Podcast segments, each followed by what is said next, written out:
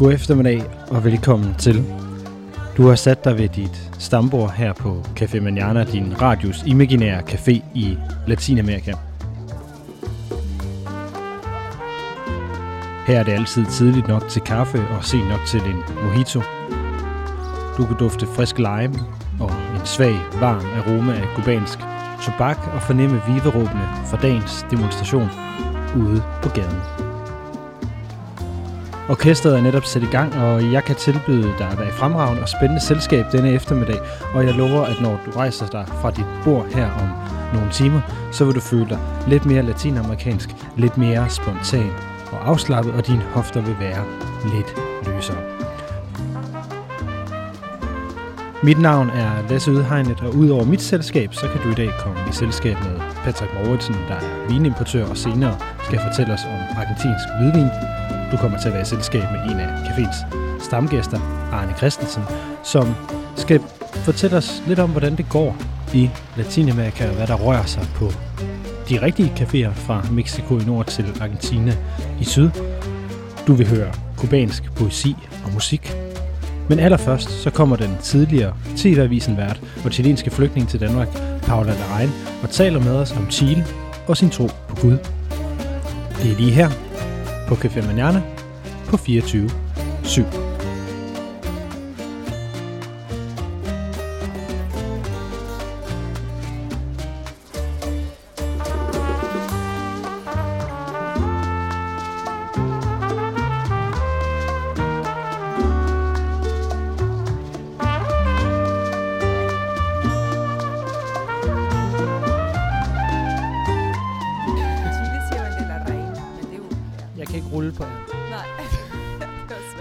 det, bliver lige uden.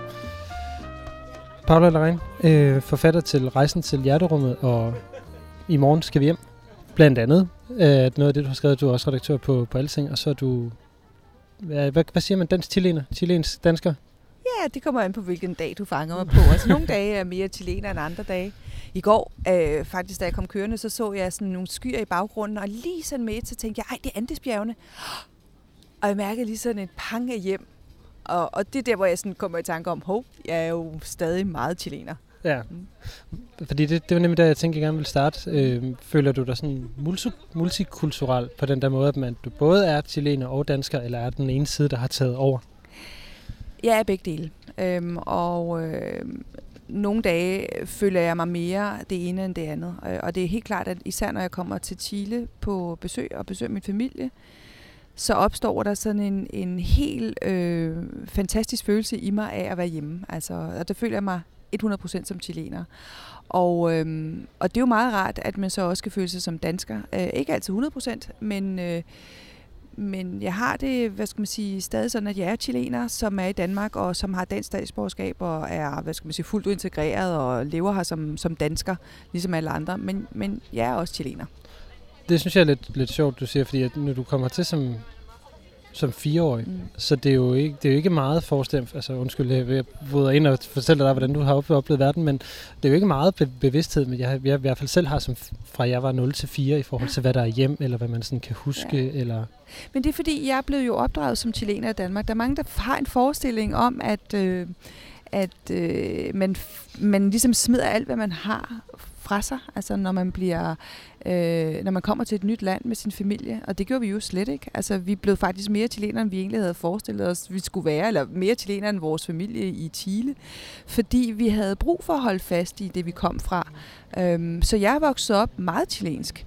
Hvad, så, hvad, vil det, hvad vil det sige? Jamen, det vil sige, at vi har spist øh, øh, så godt vi kunne af den mad, som vi savnede, hvis vi kunne få fat i det, for dengang var det ikke sådan lige at få avocado og sådan noget. Øh, og øh, vi har talt spansk hjemme, og mine forældre insisterede på, at min søster og jeg skulle spa- tale spansk indbyrdes også, selvom vi øh, ad over jo lærte at tale dansk i skolen, så, så øh, var sproget hjemme altid spansk.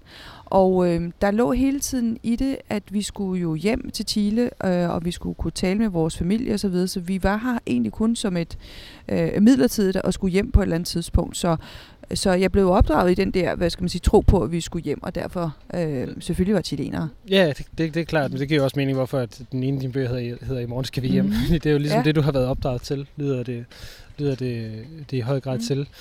Øh, nu har jeg jo øh, foreslået, eller i hvert fald haft interesse i at tale med dig om, om, om tro, og den, som jeg forstår det, så er det egentlig ikke noget, der fylder ret meget for dig før senere i livet. Ja. Er det ikke en del af at være chilener at have tro? Eller Jo, religion? men man kan sige, altså min familie var ikke specielt øh, troende, øh, og ikke specielt katolik. Øh, og, øh, og det vil sige, at vi er godt nok døbt, både min søster og jeg, det var naturligt, at vi blev det. Men i min opdragelse har troen ikke rigtig fyldt noget. Faktisk hvor mine forældre, de var meget politiske, og da de begge to var på den yderste venstrefløj, så var det med øh, troen sådan set heller ikke en del af deres ideologi.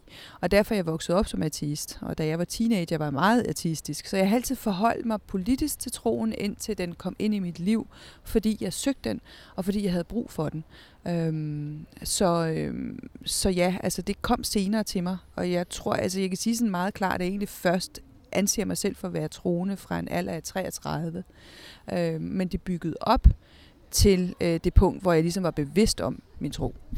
Du skriver meget om den her rejse, eller du skriver udelukkende om nærmest om rejsen frem til troen i, i den bog, du, der hedder Rejsen til, til hjerterum. Og der, der beskriver du nemlig øh, allerede nogle tidlige oplevelser med religionen eller troen i, i Chile, som noget, der ved ikke, om det er mig, der så igen lægger nogle ord i munden på det, men det virker som om, det allerede har været formende, eller i hvert fald som om, at det har været en del af den verden, du har orienteret dig i, eller er blevet Ja, men det er en efterrationalisering. Altså det er noget, jeg kigger tilbage på og opdager, fordi da jeg så blev troende og var søgende i det hele taget, så begynder jeg jo at lukke op for, øhm, øh, for troens verden, øh, og så begynder jeg at se nogle ting, som i virkeligheden hang sammen med min tro, som jeg ikke havde opdaget før. Og det er jo, jeg går fra at forstå verden politisk, til at forstå verden mere åndeligt. Øhm, og i den proces, der kigger jeg tilbage og ser på især min øh, mormor, som øh, var meget religiøs, øh, og hun var navnlig blevet meget religiøs, efter hun havde overlevet øh, et jordskælv i 1939, som var en af verdenshistoriens største, hvor hun overlever i ægtesind, mens hendes mand, der ligger lige ved siden af, faktisk dør under murbrokkerne. Og hun overlever det her med en, øh, med en lille porcelænsstatue af Jesus. Og, og det gjorde hende nærmest rasende religiøs. Øhm, og øh, den historie er jeg altid vokset op med. Men jeg har ikke rigtig forbundet den til mig selv andet. Det var en god historie. Men da jeg ligesom selv var søgende, øh, så begyndte den historie at få en, en betydning for mig.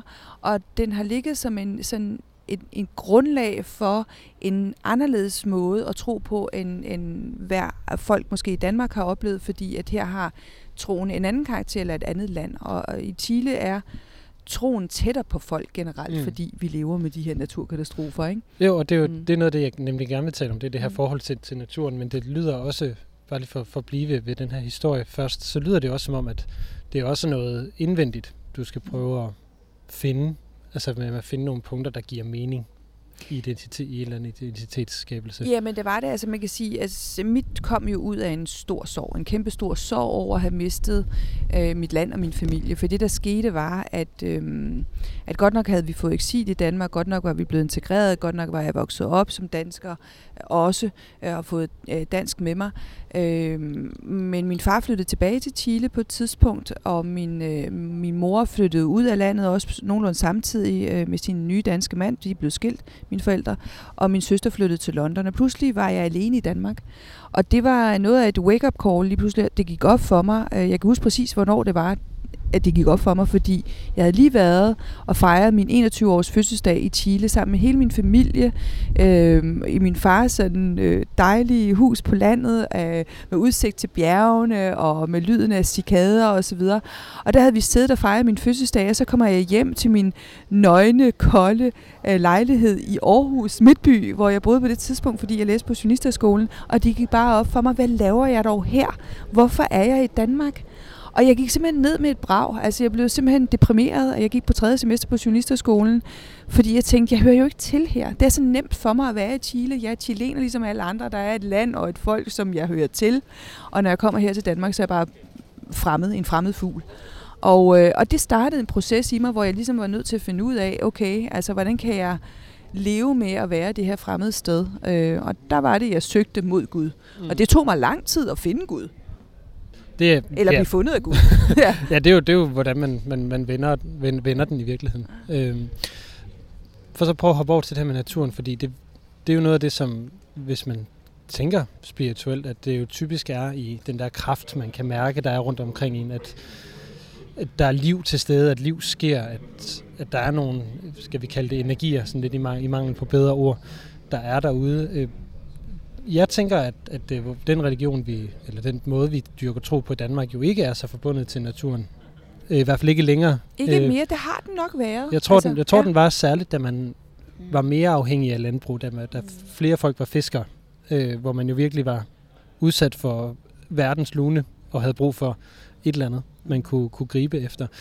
Så det, jeg vil hen til med, med den refleksion, er det her med jordskælvene, og det her med den lidt mere ekstreme øh, natur i, i Chile. Hvordan har den, eller har den spillet ind på, på, på din søgen efter, efter Gud, eller, eller Guds søgen efter dig? Ja, altså både og. Altså, når du spørger, så kan jeg jo godt sådan tænke mig til, at selvfølgelig har det haft en betydning. Altså, jeg har under alle omstændigheder en tradition med mig, som er det, der i litteraturen kaldes magisk realisme, øh, som jo bunder i, at man jo har taget meget af den oprindelige befolkning sådan tilgang til naturen i, øh, i Chile, og, og, og man taler med ånder, og man ser ånder, og man i det hele taget bare meget mere sådan spirituelt anlagt, det er mere almindeligt, du ved, at, at gå med sten, eller øh, øh, tro på astrologi, og alle sådan nogle ting, som, som er forbundet med spiritualitet, øh, og som man kan sige, at den reformerede kirke og den evangelisk-lutherske øh, kirke har, har hvad skal man sige, kastet fra sig som, som sværmeri.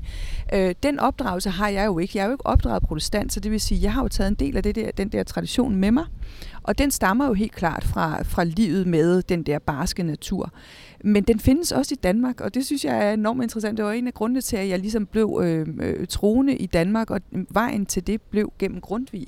Og Grundtvig var jo også sådan en. Altså det hæv fat i den gamle natur, og hæv fat i den gamle asetro, og, og hvad skal man sige, tro hele traditionen med op, og gjorde det til øh, folkekirkeligt og er, er gengivet i, i, i salmerne osv. Så, så på den måde føler jeg, at det er et enormt åndsslægtskab med, med Grundtvig, netop på baggrund af naturen. Det er lidt, det er lidt sjovt, du siger det, for det har jeg også lagt mærke til, der findes i Grundtvig, særlig hans, øh, netop som du siger i hans, øh, i hans salmer, den her besøgelse af fjellene, af de, af de vældige naturkræfter, og så den her idé om at ligge langt mod nord, som fylder rigtig meget, synes jeg, for, for Grundtvig. Men også, og det, det, det kan være, at jeg kommer til at lægge øh, igen en, en idé ned, øh, ned i hovedet på dig, men, men det her med, øh, at komme fra et, en, en venstreorienteret baggrund osv., der Grundtvig har jo også et ekstremt, hvad kan vi sige, ud fra et øh, teologisk synspunkt selvfølgelig, men en ret, hvad hedder det, øh, venstreorienteret blik på verden. Eller hvad? Ja, altså han er, jo, han er jo rebelsk, og det kan jeg jo godt lide ham for. Ikke? Altså, jeg, jeg forbinder mig med Grundtvig på mange planer. Altså, jeg plejer at kalde ham min øh, bedste afdøde ven, øh, fordi han er øhm, øh, fordi han også er så sentimental. Altså, og det tiltaler mig også som latinamerikaner. Det er jo ikke sådan helt almindeligt at være sentimental i sådan en moderne verden, men, men, det, men, men det er Grundtvig. Altså, han er poet, og han, øh, hvad skal man sige, er rebelsk, og han går jo også imod øh, tidsånden på, på mange øh, punkter, men er også den, der ligesom har givet os, øh, hvad skal man sige, den demokratiske, den ultrademokratiske tanke, og menneske først tanke osv., som har meget med min politiske historie at gøre. Så mm. på den måde forbinder Grundtvig mig både øh, i, i, hvad skal man sige, både tro og politik. Altså, mm. Og det synes jeg er... Øh, det er meget smukt i virkeligheden, at jeg skulle komme helt så langt væk, og så møde sådan en, øh, hvad skal man sige, en mand, øh, nu afdøde ikke i mange år, men altså møde ham gennem hans salmekunst og så videre, og føle den her enorme forbindelse til ham. Men jeg synes, det er netop så, det der, der også ligger grundligt, er også for, igen forbindelsen til naturen. En af min yndlingssang af dem, han har skrevet, det er den, der hedder Alyset for de lærte blot, som jeg mener hører til i højskolesangbogen, som jo handler om, at solens lys jo ikke er til for de, dem, der skal sidde og være lært og sidde og skal læse. Den er faktisk til for dem, der bruger livet, bruger naturen, bruger, bruger verden. På den måde, så hænger det jo også sammen, lyder det til. At der er også noget, jeg ved ikke, om der, der er det, det sydamerikanske i det, fordi det er jo, det er så naturtæt. Giver det mening? Ja, ja, men det, det gør det. Altså, jeg er sikker på, at, at, øh, at Grundtvig, altså NFS Grundtvig og Pablo Neruda, som er øh, den chilenske, hvad skal man sige, store poet, som har fået Nobelpris osv., at de to ville kunne have lange samtaler om kvinder, om landskaber, om alt muligt. Altså, og, og, og, og i virkeligheden er det jo ret smukt, fordi det er jo ikke, det er jo ikke nationalt, det er jo, det er jo, det er jo menneskeligt. Altså, det er jo, hvad skal man sige, skønheden og livet og magien i verden osv., som, som, som de har til fælles. Øh, og... Øh, og det, det er jo også sådan, jeg mærker Grundtvigs salmer. Altså nu er det faktisk ikke en, en, en, en decideret sådan landskabssalme, der er min øh, yndlingssalme af Grundtvig. Det er Den sinede dag. Men den rummer alt. Altså øh, Den sinede dag rummer alting, og den rummer det, det bedste livsperspektiv, jeg kan forestille mig. Netop det der med, men, men til sidst havner med rejse til sit fædreland, synger han til sidst, eller skriver han til sidst. Øh, og der, der øh, stander en borg så prud og græn. Øh, og så sidder vi der med venner i lys vitale i, sådan i, i gyldne sale det, det, det er sådan det livsperspektiv, som jeg har for mig. Og mm. det, det er, hvad skal man sige, det er der, jeg mærker, at jeg er i Guds rige. Det er, når jeg har den der øhm, øh, relation til venner, altså og mærker det der, hvor vi griner og så videre. Så er man i det øjeblik, er man i, i, øh, i Guds rige. Og det er jo det, det, der også bliver sjovt, fordi netop religion og tro handler jo netop ikke nødvendigvis om, om øh, kirken som rum. Mm. Den handler om måske om alle mulige andre rum, som du siger her med, at det er der, hvor man bare er samlet mm. med, med folk, man holder af, der hvor man kan grine, der hvor man har de, de, de gode samtaler. Så der hvor, hvor kirken i virkeligheden, eller troen, træder ud af sin mere formelle ramme, mm. eller hvad? Ja, altså kirken er jo alt. Kirken er jo også naturen. Altså, øhm, kirken er jo ikke bundet til mursten. Det er den også. Altså, øh, øh, kirken er på den måde ikke hellig i sin mursten, men det er jo netop fællesskabet, der er kirken. Øh, og det er helligåndsfællesskab. Og man kan sige, at alt det, vi snakker om nu, vi har jo ikke nævnt helligånden, men, men Nej, det, er det, jo det, det, er jo, det er jo det, der er det hele. Det det, der er det hele. Det er jo helligånden, der, er talt. Det er jo helligånden, der forbinder mig til Grundtvig. Det er helligånden, der forbinder os i den her samtale. Det er helligånden, vi, snak, vi taler om øh, når der, vi taler om det der fællesskab, hvor, hvor, hvor noget opstår, altså hvor Guds rige opstår.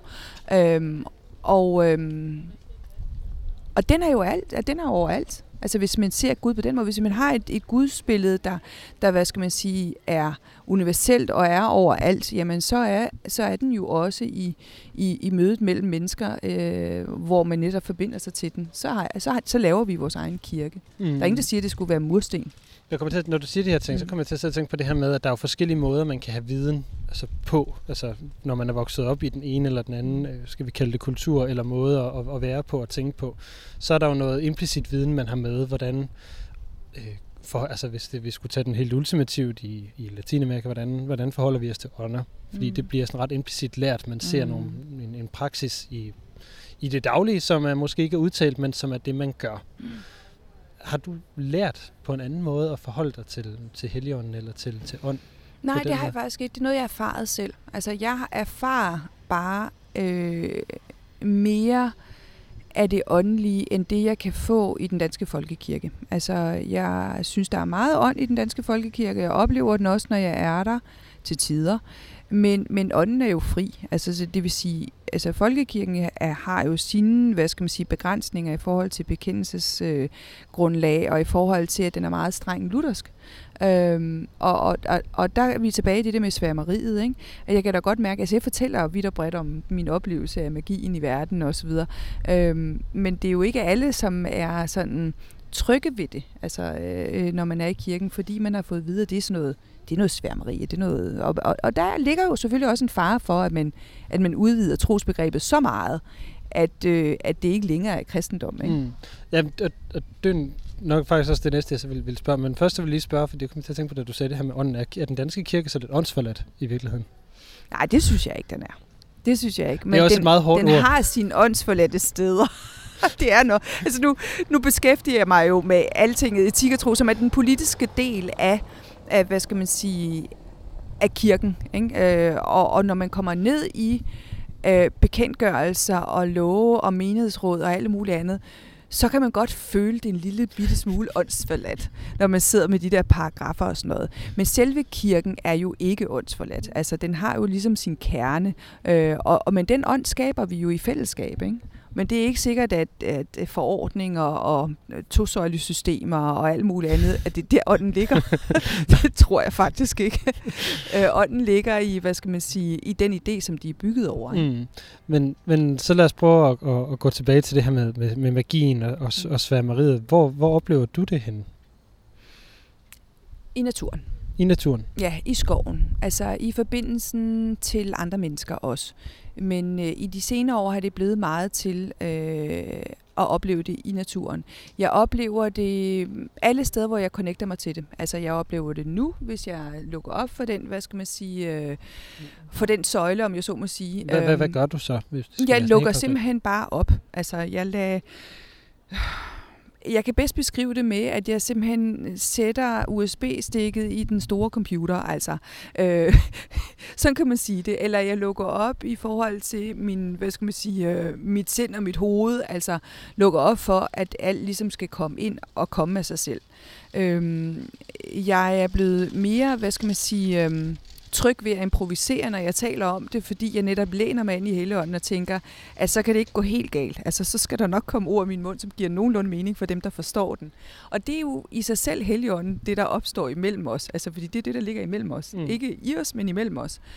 Og øh, så det vil sige, når jeg siger noget i den retning, og du forstår det, eller andre, eller lytterne forstår det, jamen så, så, er, det, er, så er det der Helligånden er. Ja, det, ja. det er det, der også bliver magisk på ja. den måde. Ja. ja, det er jo en magi. Det er lidt ligesom, når du læser en bog. Jeg kan huske, jeg lavede en program, et programserie om Helligånden øh, på P1 øh, i forbindelse med tidsånd, og der interviewede jeg øh, en relativt ny religiøs menneske, Jens Christian Grøndal, som er en af mine yndlingsforfattere i Danmark. Og han er blevet kristen ad år, fordi han ligesom har lukket op og lige pludselig set, at det var han måske nok alligevel. Og da jeg spurgte ham ind til Helligånden, så siger han, det er den magi, der opstår hos et menneske, der læser mine bøger, og som pludselig forstår et eller andet. Og den forbindelse mellem ham og, og de der fysiske bogstaver i en bog, som er trygt, og så det menneske, som sidder i sit liv og laver den forbindelse, det er Helligånden. Mm. Og det er jo også den, jeg laver med Grundtvig, eller Hegel, eller hvem der nu skriver noget, som jeg kan relatere til. Ja, eller som man kan... Altså, det er jo også en erfaring. Altså, mm. en, den, det er det, det, det, der, den der berømte pære, der, der lige pludselig begynder at blinke over ja, hovedet på og en. det er det, rejsen til hjerterummet i virkeligheden går ud på, fordi det, øh, man kan sige, nu nævnte du titlen på min anden bog, det med I morgen skal vi hjem. Ja, det giver sig selv, at det var sådan, jeg blev opdraget, det er derfor titlen er sådan. Rejsen til hjerterummet er i virkeligheden rejsen fra at forstå troen i mit hoved, og være troende, bevidst troende, øh, og ikke bare intuitivt, men bevidst troende. Og, øh, og så at hovedet, ja, at jeg har faret den, og derfra, hvad skal man sige, går troen fra mit hoved ned i mit hjerte, og jeg erfarer kropsligt øh, hvordan øh, troen udmyndter sig, og mm. hvordan jeg, hvad skal man sige, vil være i troen. Mm. Og det handler om at stille sig et, sådan i verden, at hjertet er åbent for Guds kærlighed.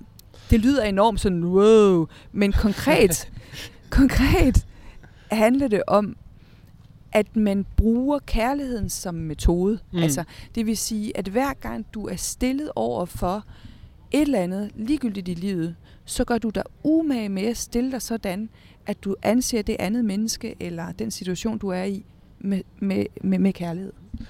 Ja, det og det var... kræver arbejde. Ja. ja det, men det er også mm. det sprog, som, som altså, det er det, det, der virker banalt, for det er jo det, Bibelen mm. taler om. Det ja. er jo altid kærligheden, der er sproget. Mm. Og det er ligesom, øh, jeg kan huske, øh, jeg, en af mine, mine øh, barndomsvenners mor døde af kræft, og så da vores øh, konfirmationspræst holdt den her tale, der, der talte han nemlig meget om, at kærligheden jo ikke var øh, en følelse, men det var, det var et forhold, man indgik i mm. til hinanden, og det var sådan en, en gigantisk øjenåbner for mig, for jeg ved, ikke, om, jeg ved ikke, om jeg selv er troende nødvendigvis, måske vigtigt lige at deklarere, mm. men der var der noget, der gav mening i forhold til måden at være sammen på, at, at kærlighed er et, er et forhold, er et relation. sprog, er en relation, mm. ja. At, ja. at det er relationen i sig selv, det er ikke følelsen, det er et udgangspunkt for masser af følelser, men det er, ja. ikke, det er ikke følelsen. Nej i sig selv, der, der, der ligesom kommer på spil i det. Ja. der er følelser i kærlighed, Mm. men kærligheden i sig selv er en relation. Ja. Altså, fordi du kan godt have kærlighed til dig selv, du kan sådan set godt have en, relat- en relation til dig selv, men, men, men, men kærligheden er jo altid udadgående. Mm. Altså, kærligheden er imellem menneskerne, kærlighed er imellem mennesket og Gud, øh, kærlighed er imellem mennesket og hvad du ser eller oplever eller erfarer i livet. Øh, så det vil sige, det er altid relativt, mm. altså, øh, og en, i en relation. Øh, så det er jeg enig med øh, i den betragtning, at det Mm. ikke er en følelse. Men der er masser af følelser i kærligheden. Det er jo sådan noget andet. Ja, Ja, og det er jo alt muligt. Altså, det er jo også vrede, det er jo også had. Det er, det er jo alle mulige store følelser, der er i kærligheden. Jamen det er der, men det der med det der med at erkende, at det ikke var kærligheden alene, der var en følelse, men at den faktisk bare var et udgangspunkt Mm. for en masse andre ting, var, et, var sådan en, næsten en, en troende oplevelse at få den. Og det er også et valg. Mm. Altså, det er også et valg på den måde forstået, at jeg sagde før, at det der med, at jeg ikke kom ligesom til Gud. Jeg søgte Gud og fandt Gud. Men det kan lige så godt være den anden vej. Altså, at man bliver fundet af Gud. Det vil sige, at kærligheden kommer til dig. Og det er jo det, vi fejrer hver jul. Altså, der, der fejrer vi, at kærligheden kommer til jorden i form af et lille barn osv. Og det der med at tage imod af noget, at kærlighed kommer udefra, og at den er absolut, og du får den uanset hvad. Altså uanset hvem du er på jorden, om du er, hvad skal man sige, fattig eller rig, eller om du er, det, det er ligegyldigt hvem du er, at vi er alle sammen lige over for Gud, øh, at vi får alle sammen den kærlighed, så handler det om at lukke op. Det handler om at hengive sig til den kærlighed. Og deri ligger et valg. Mm. Øhm, så det vil sige, at vi har hele tiden den frie vilje til at vælge kærligheden. Og, vi, og dermed kan vi jo også vælge den fra. Mm. Nu er det jo, kærligheden er jo sådan et meget stort be- be- begreb, ikke? og det er jo, nu har vi været lidt inde tidligere på det her med danskhed, øh, at være chilensk, Mm. øh, forholdet til, eller lidt af dit forhold til, til, øh, til Chile.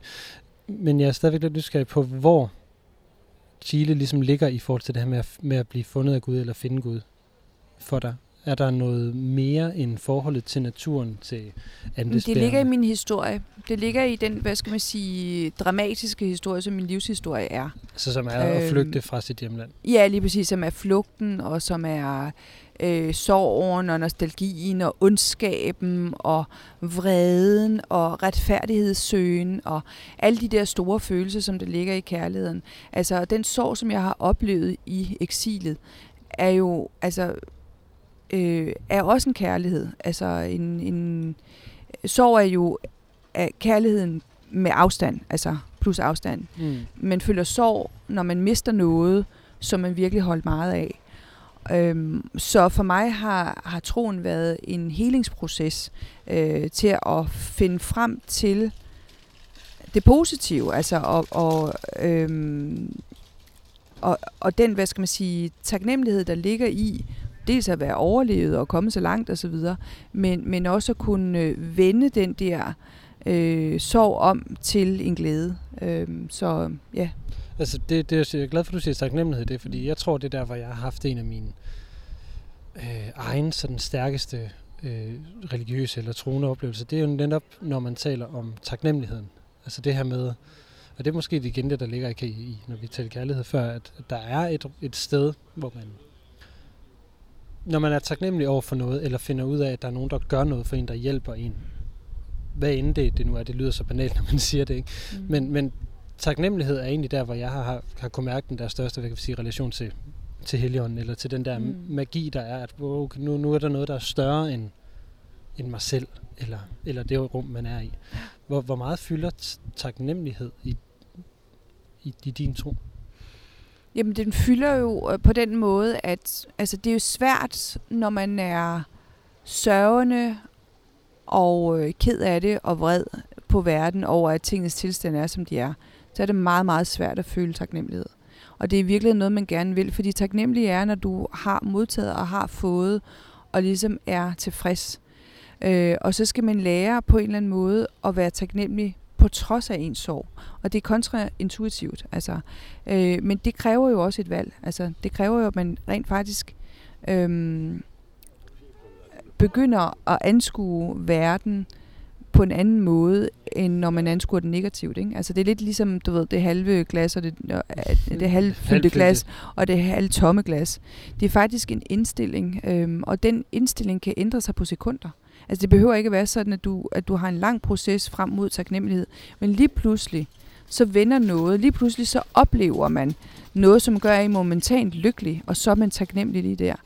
øh, for det, der er. Mm. Og, øh, og det kan jo netop være de store ting, som at man har overlevet. Det kan være de store ting om den kærlighed, man har følt. Det kan være en lille ting, som også er de store ting, som for eksempel at få et totalt grineflip med sine kolleger, som jeg fik i går, hvor vi var helt færdige at grine over noget, som var så dumt og så plat. og, og det, men, men følelsen af at grine sammen med andre mennesker, altså, er jo noget, som jeg som skaber enorm lykke, øh, og som man kun kan være taknemmelig for. Mm. Og det er, at det er et, et lille billede af Guds rige, når man havner sådan et sted.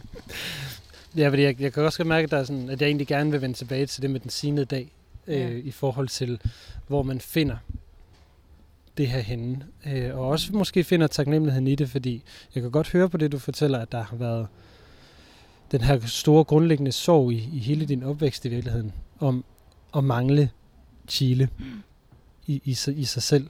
Det må jo også have været helt vildt dobbelt.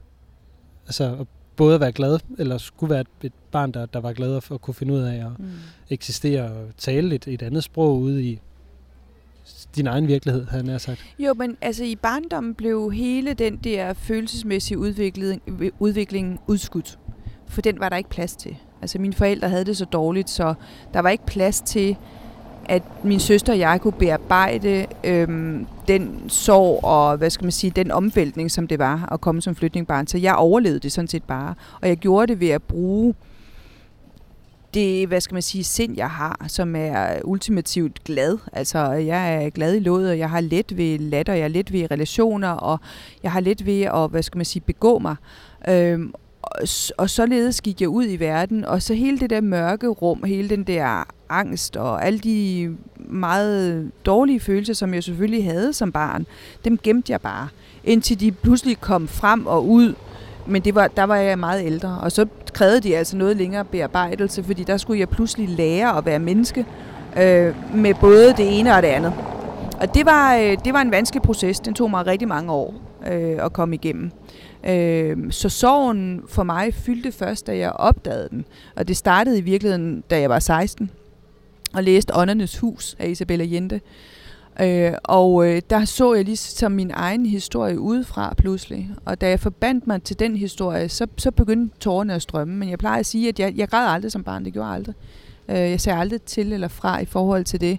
Det turde jeg simpelthen ikke. Øh, men så kom de, altså tårerne. Og, og jeg blev ved med at græde, altså i overvis. Det tog meget, meget lang tid for mig at komme over det. Hvad var det, du, altså nu så din egen historie, men hvad var det, du kunne, du kunne genkende i, i Åndernes Hus, som jo er en, sige, en meget meget verdensberømt bog, netop fordi den jo nok har, har sat ord på det, som mange af jer, der, der, der var, var nødt til at forlade ting. Chile, følte. Altså, der var mange ting. Der var genkendelsen af, at, at nu Isabelle Jente, hun beskriver jo en del af samfundet, som, som jeg også var en del af. Den der øvre middelklasse, der hun kom fra, ikke? Og, øhm, og også den magiske realisme, altså det her med ånderne og så videre, som jeg jo genkender også fra min egen familie, fra min min mormor og min øh, moster, og du ved, altså så, øh, det var den ene ting, men det andet var det dramatisk politiske i det, altså den historie, som lige pludselig blev kendt for hele verden, og jeg var en del af den historie, og, og det var en frygtelig historie, og, og en ond historie, øh, og der går det bare op for mig på det tidspunkt, at, øh, at jeg var en del af den historie, og jeg må godt være ked af den historie. Mm. Og så hvis vi skal vende tilbage til den, til den sinede dag, som, som ligesom skal være der, hvor det, vi måske skal prøve at, at, at, at slutte, slutte af her. Ja, jeg får da nok ikke til at sige, at, at, at den her gyldne sal, den er i Chile. Eller hvad? Nej, fordi det, jeg synes, der er befriende ved øh, det vers, som lyder, så rejser vi til vort fædreland, der ligger ej dag i dvale, der stander en borg så prud og græn med gammen i gyldne sale så frydelig der til evig tid med venner i lys vitale. Det er jo momentant. Når han taler om at rejse til sit fædreland, så er det ikke en fysisk rejse. Så er det ikke sådan noget med, at jeg skal rejse tilbage til mit fædreland. Det handler om at finde hjem der, hvor man er, og det handler om at finde hjem i Guds rige der, hvor man er. Og det, der er vidunderligt ved Guds rige, det er jo, at når man tror på det evige liv, så er evigheden jo startet lige nu. Evigheden er lige her. Og øh, evigheden er vertikal, om jeg så må sige. Den er jo ikke lineær. Vi, vi lever ikke evigt øh, lineært, for vores kroppe forgår på et tidspunkt, men vi kan leve evigt lige nu, vil være nærværende lige nu. Og det er det, der opstår, når man griner med venner, og man taler med venner i lys vitale, altså det vil sige i glæden. I glæden med venner og relationerne opstår den der evighed og den der kærlighed. Øh, så, og det kan jo opstå hele tiden. Det opstår altså i går, og i morgen sikkert også, og i løbet af sommeren, og igen til september. Altså, så, og det er jo det, det fede øh, ved det, er, at man så kan få de der momenter, som man oplever, dem kan man få til at strække sig til, at man også er glad dagen efter, og dagen efter igen. Og at man har forventningen om, at når man nu skal se de venner igen, ah, så kommer der sikkert... Så bliver det nok rigtig sådan, sjovt igen. Så bliver det sikkert rigtig sjovt igen. Så på den måde kan man forlænge den der evighedsfølelse, den der med venner lys vitale. Men det er også en indstilling. Det handler også om at se det, og ikke grave sig ned øh, ja, i et mørkt hul. Mm. Paula Rein, tusind tak for, at du havde lyst til at være med her. Selv tak.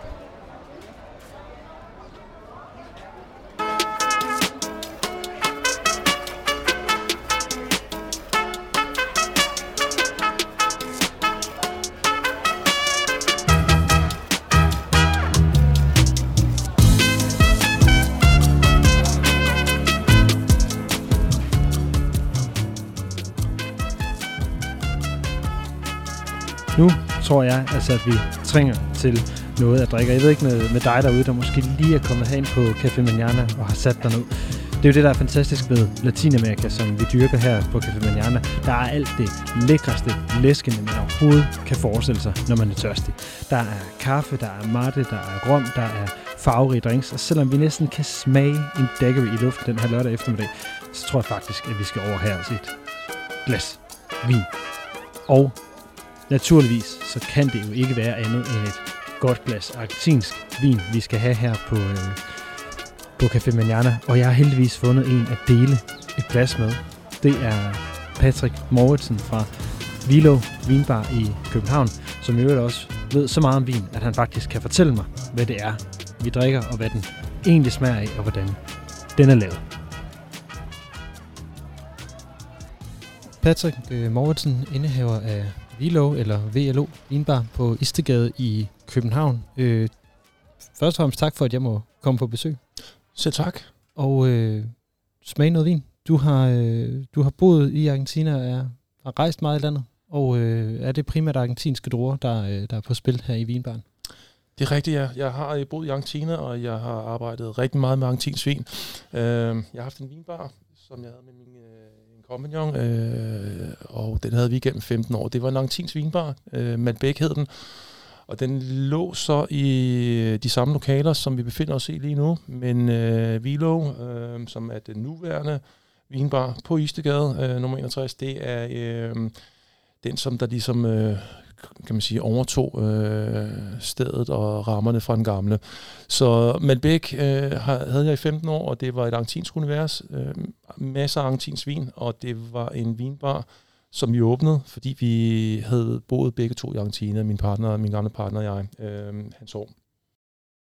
Milo fik jeg åbnet i 21, og der har været lidt op- og nedlukning øh, på grund af corona. Men vi fejrede et års fødselsdag her i sidste weekend, så øh, et års fødselsdag her øh, med et argentinsk univers, som der med overgang til Vilo fylder mindre og mindre. Øh, men man kan sige, at øh, efter at have arbejdet med vin i mange år, så var det et spørgsmål om, at hvis jeg fortsat skulle se mig selv arbejde med vin, så skulle jeg måske søge efter at have nogle rammer, der ikke var lige så begrænsende, som øh, et rent eksklusivt argentinsk univers var men der er bare så meget andet derude. Så det var ligesom årsagen til, at øh, den argentinske profil blev skubbet lidt i baggrunden.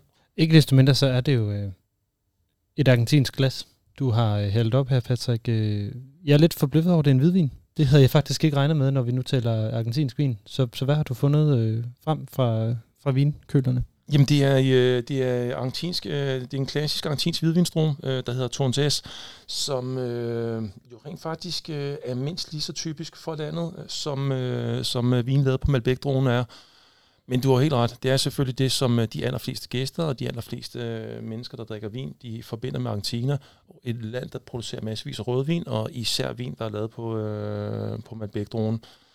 Men de gør selvfølgelig også andet, og øh, de hvide vine, som de producerer en del af på den her droge, øh, er ret karismatiske, øh, har masser af karakter, øh, gør noget, noget, noget særligt, samtidig med, at det også er en droge, som der rent faktisk kun altså, i vidt omfang findes i Argentina. Det er en krydsning mellem en rød droge, der hedder Listan Prieto, og så øh, den hvide droge øh, Muscat Alexandria. Øh, de to er krydset på et tidspunkt, og så har man så fået den her meget aromatiske hvide vin, øh, den her meget aromatiske droge, Torrentes, som man ikke rigtig finder andre steder. Øh, og jeg synes, det er derfor, vi skulle prøve at smage den, fordi den er karakterfuld, den er ret klassisk for landet, og øh, så er det en producent, der gør lidt, lidt skæg ud af det, synes jeg. Ja, hvad, hvad vil det sige, at man gør noget lidt, lidt skæg ud af det? Nu hedder den Revolutionaria, kan jeg se. Det er ja, jo det, det er rigtigt. Det er noget, der er godt, når vi taler Latinamerika. Ja, præcis. De har en, øh, det er helt sikkert noget, som der øh, på en eller anden måde kan relateres til øh, vidt og bredt, øh, unge og blandt unge og gamle. Det er en producent, som øh, øh, Mathias Michelini hedder, øh, hedder han. Øh, projektet øh, kalder han Passionate Wines, og så har han forskellige serier under øh, vinhuset Passionate Wines, og vi er Revolutionaria, det er så en serie af vin, som han laver. Og her, der finder man så en uh, producent, som der måske for en 10-15 år siden startede med at skue lidt til Europa og se, hvad det er, vi, øh, hvad der finder sted med øh, vin, der bliver lavet økologisk, biodynamisk, på øh, øh, cementtanke, på øh, æg, på øh, gaden med naturgær, lavt svovlet, måske endda macereret, det vil sige vin, der går og bliver det, vi kalder for orangevine.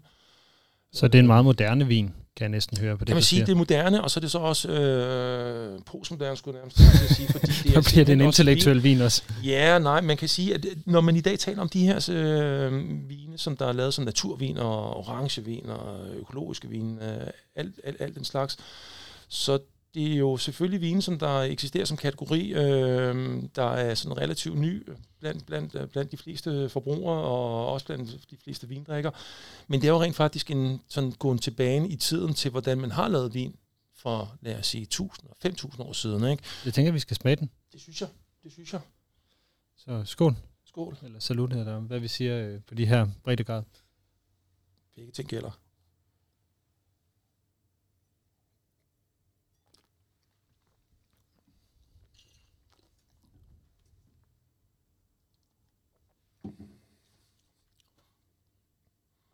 Meget frisk, synes jeg.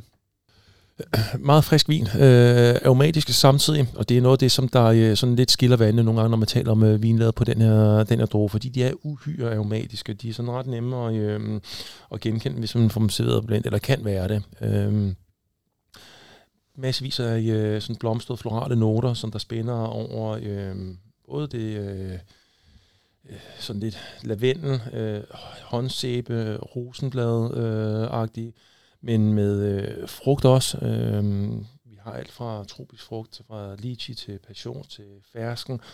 Øh, den har noget grønligt urtet samtidig, især i smagen kan man, så kan man mærke, at den har sådan lidt øh, grønlig bitterhed, og det er også noget, der kendetegner den. Det er også meget argentinsk med noget, noget bitterhed. Altså nu, Argentina er jo meget glad for mate te. Det er jo også en øh, forholdsvis bitter, øh, hvad hedder det, Det er rigtigt. Det er rigtigt. Så der er nogle, nogle ting, der går igen der. Det er rigtigt. Det er ikke noget, som man oplever så ofte, når vi taler hvidvin. Det der med bitterhed, og slet ikke i den der udtalte form, som man oplever her i Torrentessen. Men øh, man gør det i den her argentinske, og man... Øh, det sker ikke, når du siger, at argentinerne er glade for det bitter, fordi jeg tænker nemlig altid øh, i mit vinunivers, at det er italienerne, som jeg altid refererer til, som dem, som der er begejstret for det bitter. Ikke? De elsker deres, øh, deres, øh, deres kaffe, gerne dagen igennem, ikke? Små, øh, små skud espresso, de øh, er, bit, øh, de er helt pjattet med, øh, med, med, med, med bitter generelt, med øh, øh, vermut i forskellige afskygninger, øh, oliven øh, er en integreret del af deres køkken. Øh. Men det er sjovt, fordi det synes jeg også, at når jeg har mødt argentiner, at de jo, mm. de jo også er både med matteteen, men også, øh, altså den, nu er det jo heller ikke alle argentiner, der går og drikker vin hver eneste dag. Ikke? Altså, der er også øh, klassikeren Fernet Cola, Altså det, som, som jo også er en, en, en bitter, det, den, den kører på. Og så, I er den der, grad. og så er der også mange, hvad hedder det, italienske efterkommere, i, øh, eller mennesker med øh, italiensk, hvad hedder det, øh, stamtavler, eller hvad ja. man nu kalder det, øh, i Argentina. Så, så det giver måske meget god mening alligevel. Det gør det, det gør det. Det er meget skægt. Det er bare en, en, en, en parallel, som jeg aldrig nogensinde rigtig har set lige inden for det der sådan uh, bitter univers. altså nu skal det ikke lyde som om vinen her, den er men, sådan, øh, det er som at sidde og drikke et glas Fernet Branca, for det er det jo på ingen måde. Det er jo ikke, den er jo slet ikke så bitter. Nej, nej, nej, nej. Men, nej, men, nej, nej men, men, tonen, men tonen er der, og ja. nu er jeg ikke vinkender, men jeg kan godt smage, jeg kan godt smage trods alt, at den har, Den der lidt, lidt Ja. ja. specielle bi- bitter eftertone. Det er sådan lidt, lidt inden for, øh, for vinuniverset, at man sådan opererer lidt med, øh, med at tale om bitterhed i vin, fordi der er flere hvidvin, der godt kan udvise det. Og du har helt ret. Selvfølgelig er det ikke det, der er sådan kendetegner, der definerer den her vin, øh, at man sidder tilbage med sådan en øh, bitterhedsfornemmelse. Øh, det er sådan et element blandt mange i vinen, vil jeg sige. Øh, så det var godt, du lige fik understreget det for vores lyttere. Nej, men jeg synes, nu, tænker, nu tog jeg lige en, en, en tår mere, og der, der kan jeg også i, i, i ret høj grad smage den her øh, blomstrethed. Ja, Altså, det, det, det, jeg ved ikke, om det er det, man, man kalder det parfumeret på vinsprog, eller, eller hvad det er. Men, det kan det være i hvert fald. Mm. Mm. Øh, og i deres tilfælde vil jeg helt klart sige, at det er, ja, det er en del af det, absolut. Øh, så mens du lige tager en, en, øh, en, en smager mere, så vil jeg, vil jeg lige prøve at høre, jamen, øh, er det her en, en øh, vin, som øh, hvad man sige, den almindelige argentiner drikker, eller er den, øh, er den så postmoderne, at den også er lidt speciel?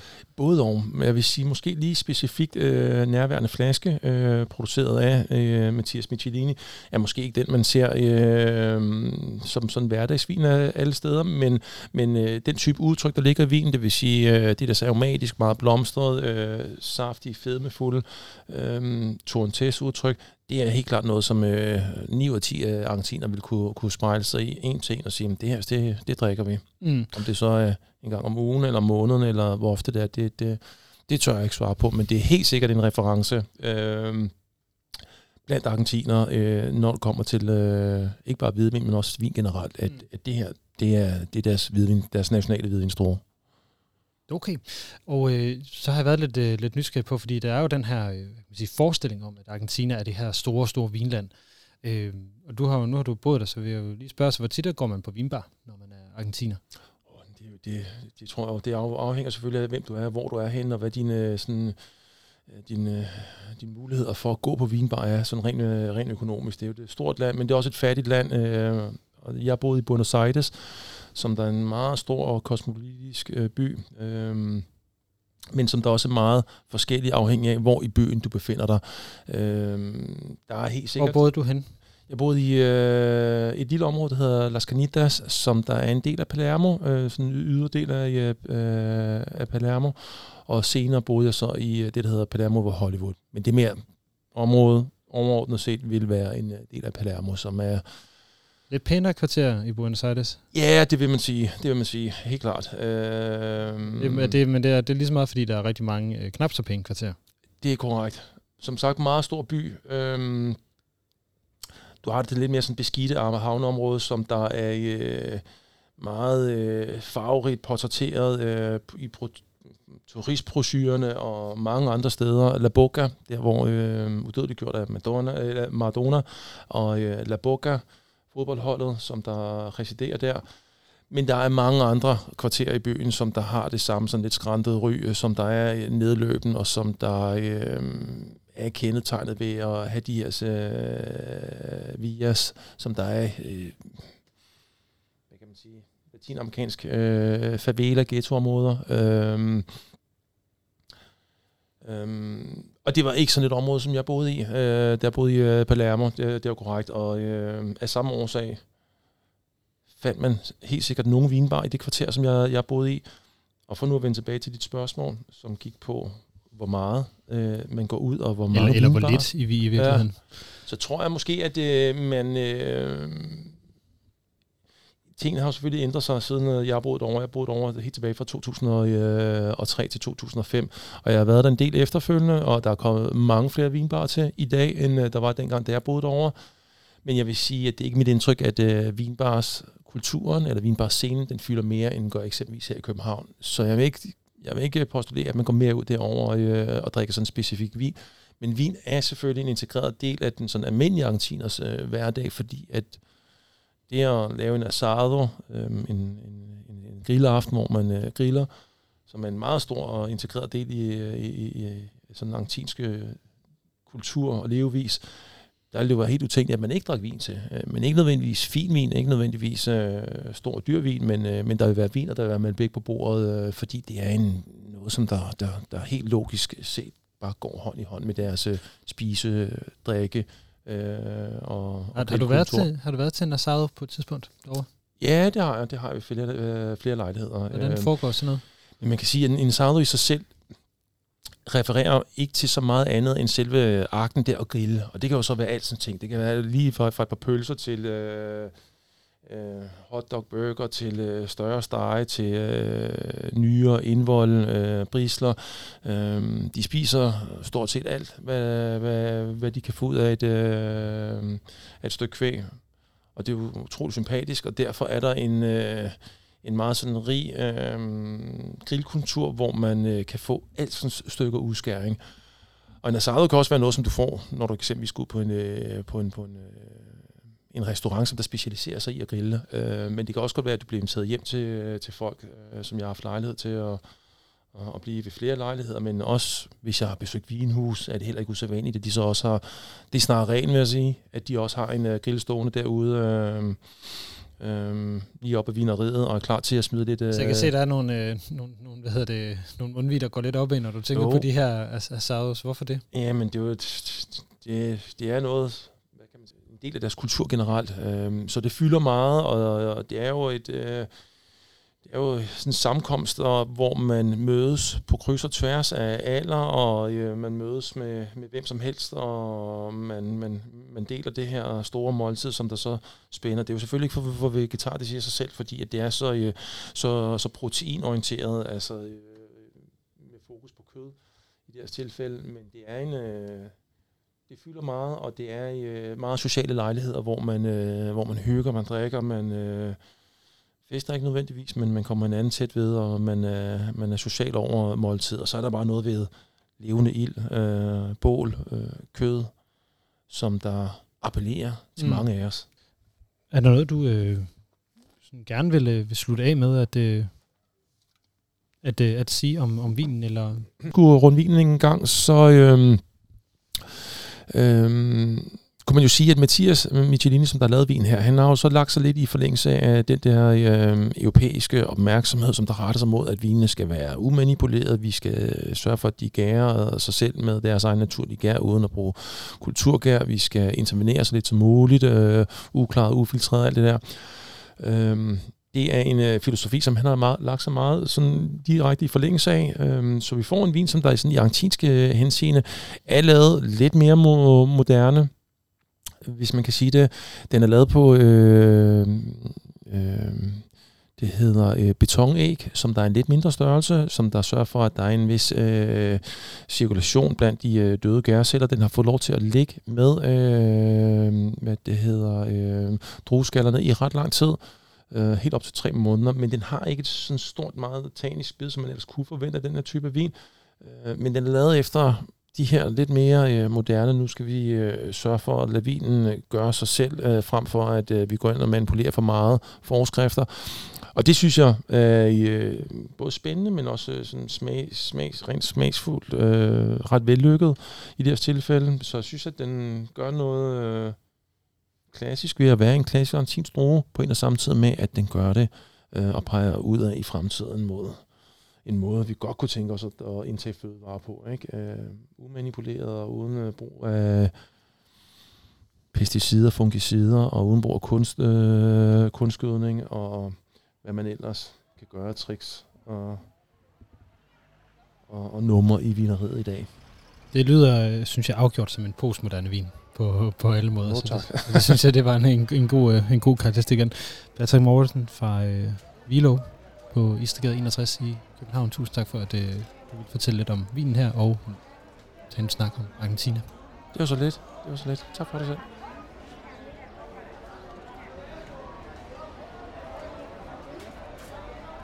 Sådan et øh, glas vin, det giver jo lidt til promillen, og øh, det gør, at jeg føler mig en lille bitte smule dristig. Jeg kan se på bandet her på Café Manian, at de ligger op til en salsa. Så inden Arne han dukker op, og vi skal snakke om, hvad der sker på de rigtige caféer, og diskuteres på de rigtige caféer i Latinamerika, så vil jeg op og tage en øh, hurtig dans. Og uh, da jeg skulle lære grundtrinene til salsa, så var det vigtigste, det var evnen til at tælle til syv. Så kunne det der med rytme og sådan noget være lidt lige meget. Men det kører sådan her. 1, 2, 3, 5, 6, 7. 1, 2, 3, 5, 6, 7.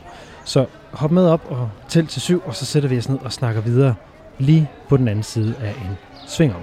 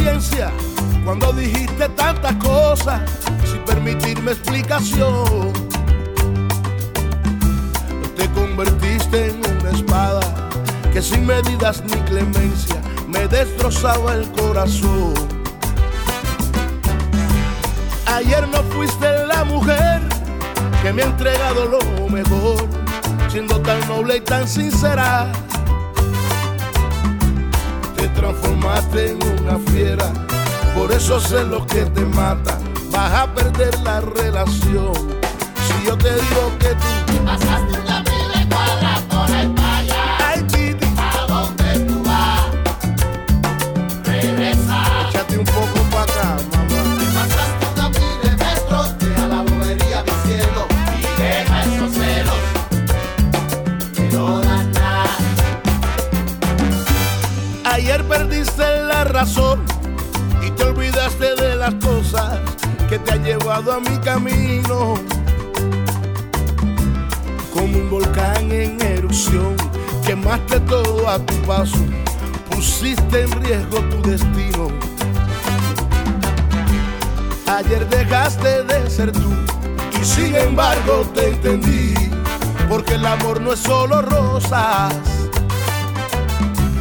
Y es que si tú no me quisieras, todo sería de otra forma y tú no fueras tan celosa.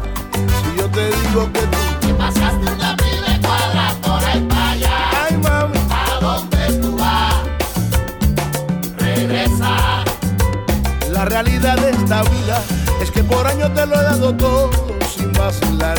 Entonces dime mi china ¿De qué forma te voy a fallar? Te pasaste una vida y cuadra por ahí para allá. Ya. ¿A dónde tú vas? Regresa. ¿Sabes qué? Sábado de noche, fin de semana. Voy a salir contigo para que se entere la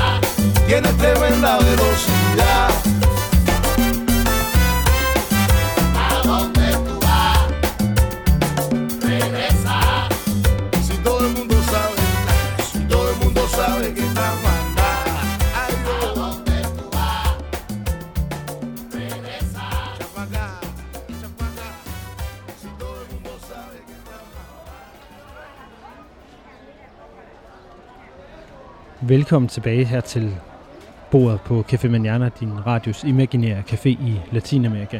Vi har lige fået et øh, dejligt glas argentinsk hvidvin. Vi har talt med TV-avisen vært og chilens flygtning til Danmark, Paula Larrein, om hendes forhold til Chile og hendes tro. Vi har lige danset salsa, og det her glas vin, det fik vi altså serveret og forklaret af Patrick Mortensen, der er vinkender og vinimportør. Og øh, lige om lidt, der skal vi tale med en af caféens stamgæster. Det er nemlig Arne, som normalt bor i Tegucigalpa i Honduras, og som skal være med os til at tale om, hvad de egentlig taler om på de rigtige caféer i Latinamerika, fra Mexico i nord og helt ned til Argentina i syd. For Latinamerika er jo et magisk spejl, som vi kan spejle os i her i Europa.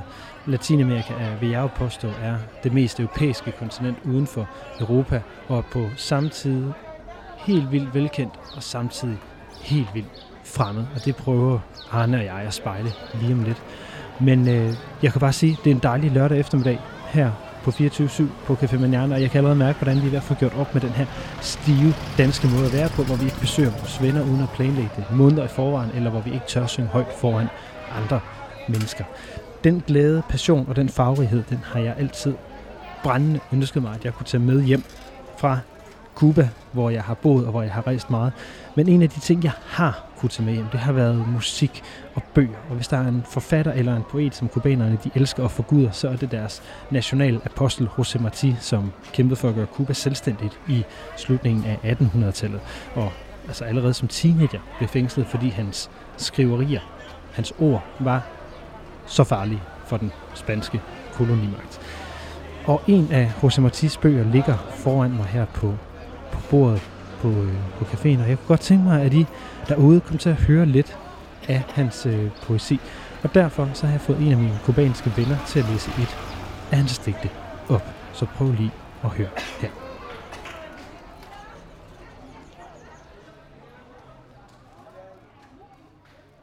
Tiene el leopardo un abrigo en su monte seco y pardo.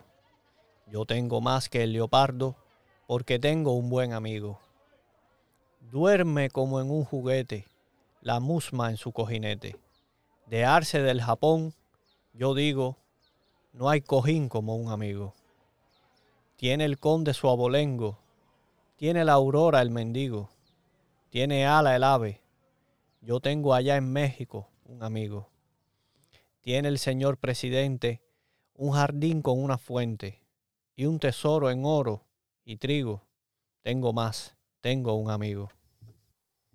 Det var altså noget af det her digt af øh, José Martí, eller det var egentlig hele digtet, det er det, hvad hedder det, fire strofer, som jo handler om, hvad nogen har. Altså det er jo parten, der har sin, sin smukke hule i skoven. Øh, greven, der har sin slægtslinje. Præsidenterne, der har deres store herre og deres indløse skatte. Men at den vigtigste rigdom, der er i verden, det er et venskab. Jeg har mere. Jeg har en god ven.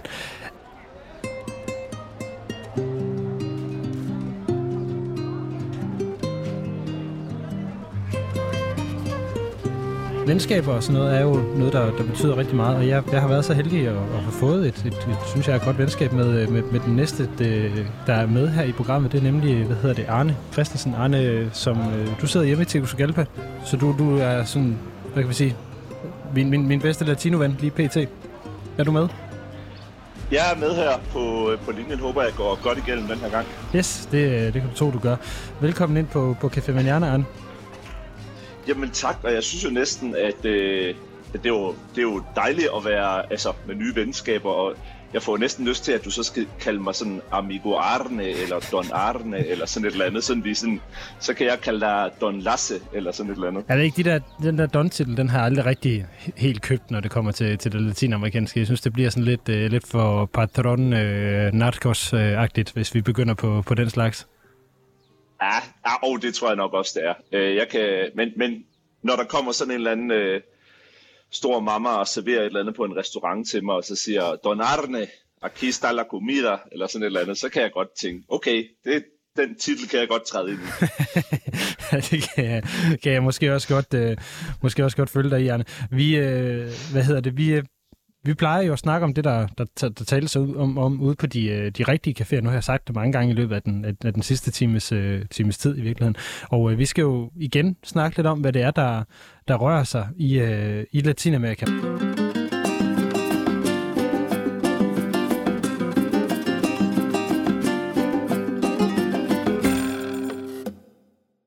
Fordi at du har jo sendt mig nogle ting, som du synes, vi skal snakke om. Og jeg, jeg tænker, at jeg måske bare lige skal sætte et, et klip på her til at starte med, så kan folk jo måske høre lidt, hvad det er, der, der kunne være på spil. Det kan det, og så kan det være, at de får en lille overraskelse. jeg fik en overraskelse i hvert fald. Så lad os, lad os sætte det klippet på, og så må vi se, om overraskelsen den, øh, den fortsætter ud i, øh, i stuerne. Buzz Lightyear Space Log. På grund af mig er vi strandet på den her mærkværdige planet. Jeg er nødt til at gøre det godt igen. Goddag, boss. Jeg er Sox. Min mission er at hjælpe dig, og jeg opgiver ikke min mission. Jeg opgiver heller ikke. Skønt. Kunne du tænke dig en lavkagesnack for at fejre det? Negativt. Buzz Lightyear Space Log. Jeg har tænkt mig endelig at fulde missionen. Hvem taler du til, boss? Nej, ikke nogen. Så er det nu! Styrter vi ned? Nej! Ja, Arne, det er jo, det er jo helt uventet, at vi faktisk har et dansk sproget klip med her. Ja, og øh, altså, kan du huske dengang, at du første gang så Toy Story, og man blev sådan helt forelsket i Buzz Lightyear? Jeg synes, han var dybt irriterende, faktisk. Jeg kunne ikke lide Ja, han var lidt en træls, han var lidt en træls type, men han var jo også, han var jo også sådan en, det ved jeg ikke, det var jo egentlig sjovt, at der kom den her tegnefilm, og så var der lige pludselig en, en siderolle i Buzz Lightyear, som blev så populær også, og han har, han har virkelig været på mange slæber her de sidste par uger. Ja, fordi at jeg må, for det første vil jeg sige, at jeg blev overrasket over, at der nu kommer en, øh, en animationsfilm kun om Buzz Lightyear, omvendt så undrer jeg mig måske lidt over, at den ikke er blevet lavet før. Men, øh, men jo, den, øh, den, har, den har skabt lidt ravage i Latinamerika, umiddelbart. Øhm, og øh, det er jo fordi, der er nogen, der kysser i filmen. Ja, og øh, vi bliver nok heller lige nødt til at introducere folk lidt. Altså, der er kommet den her nye Buzz Lightyear-film, øh, stor setup med Disney og Pixel og så videre. Og så er der en øh, lille scene i filmen. Jeg har ikke set filmen, jeg har kun læst om den her scene og set nogle, nogle korte YouTube-klip. Men så er der en scene, hvor at der altså kommer et, øh, på spansk siger de, un beso gay, et lesbisk kys, hvor fordi at der er en siderolle i den her Buzz Lightyear øh, film, animeret film, hvor der er en øh, kvindelig øh, hovedrolle eller øh, siderolle, som så kysser med sin forlovede eller kysser med sin kæreste. Og det her lesbiske kys, som så vidt jeg ved, kun varer meget, meget kort tid i den her film, og ikke fylder noget.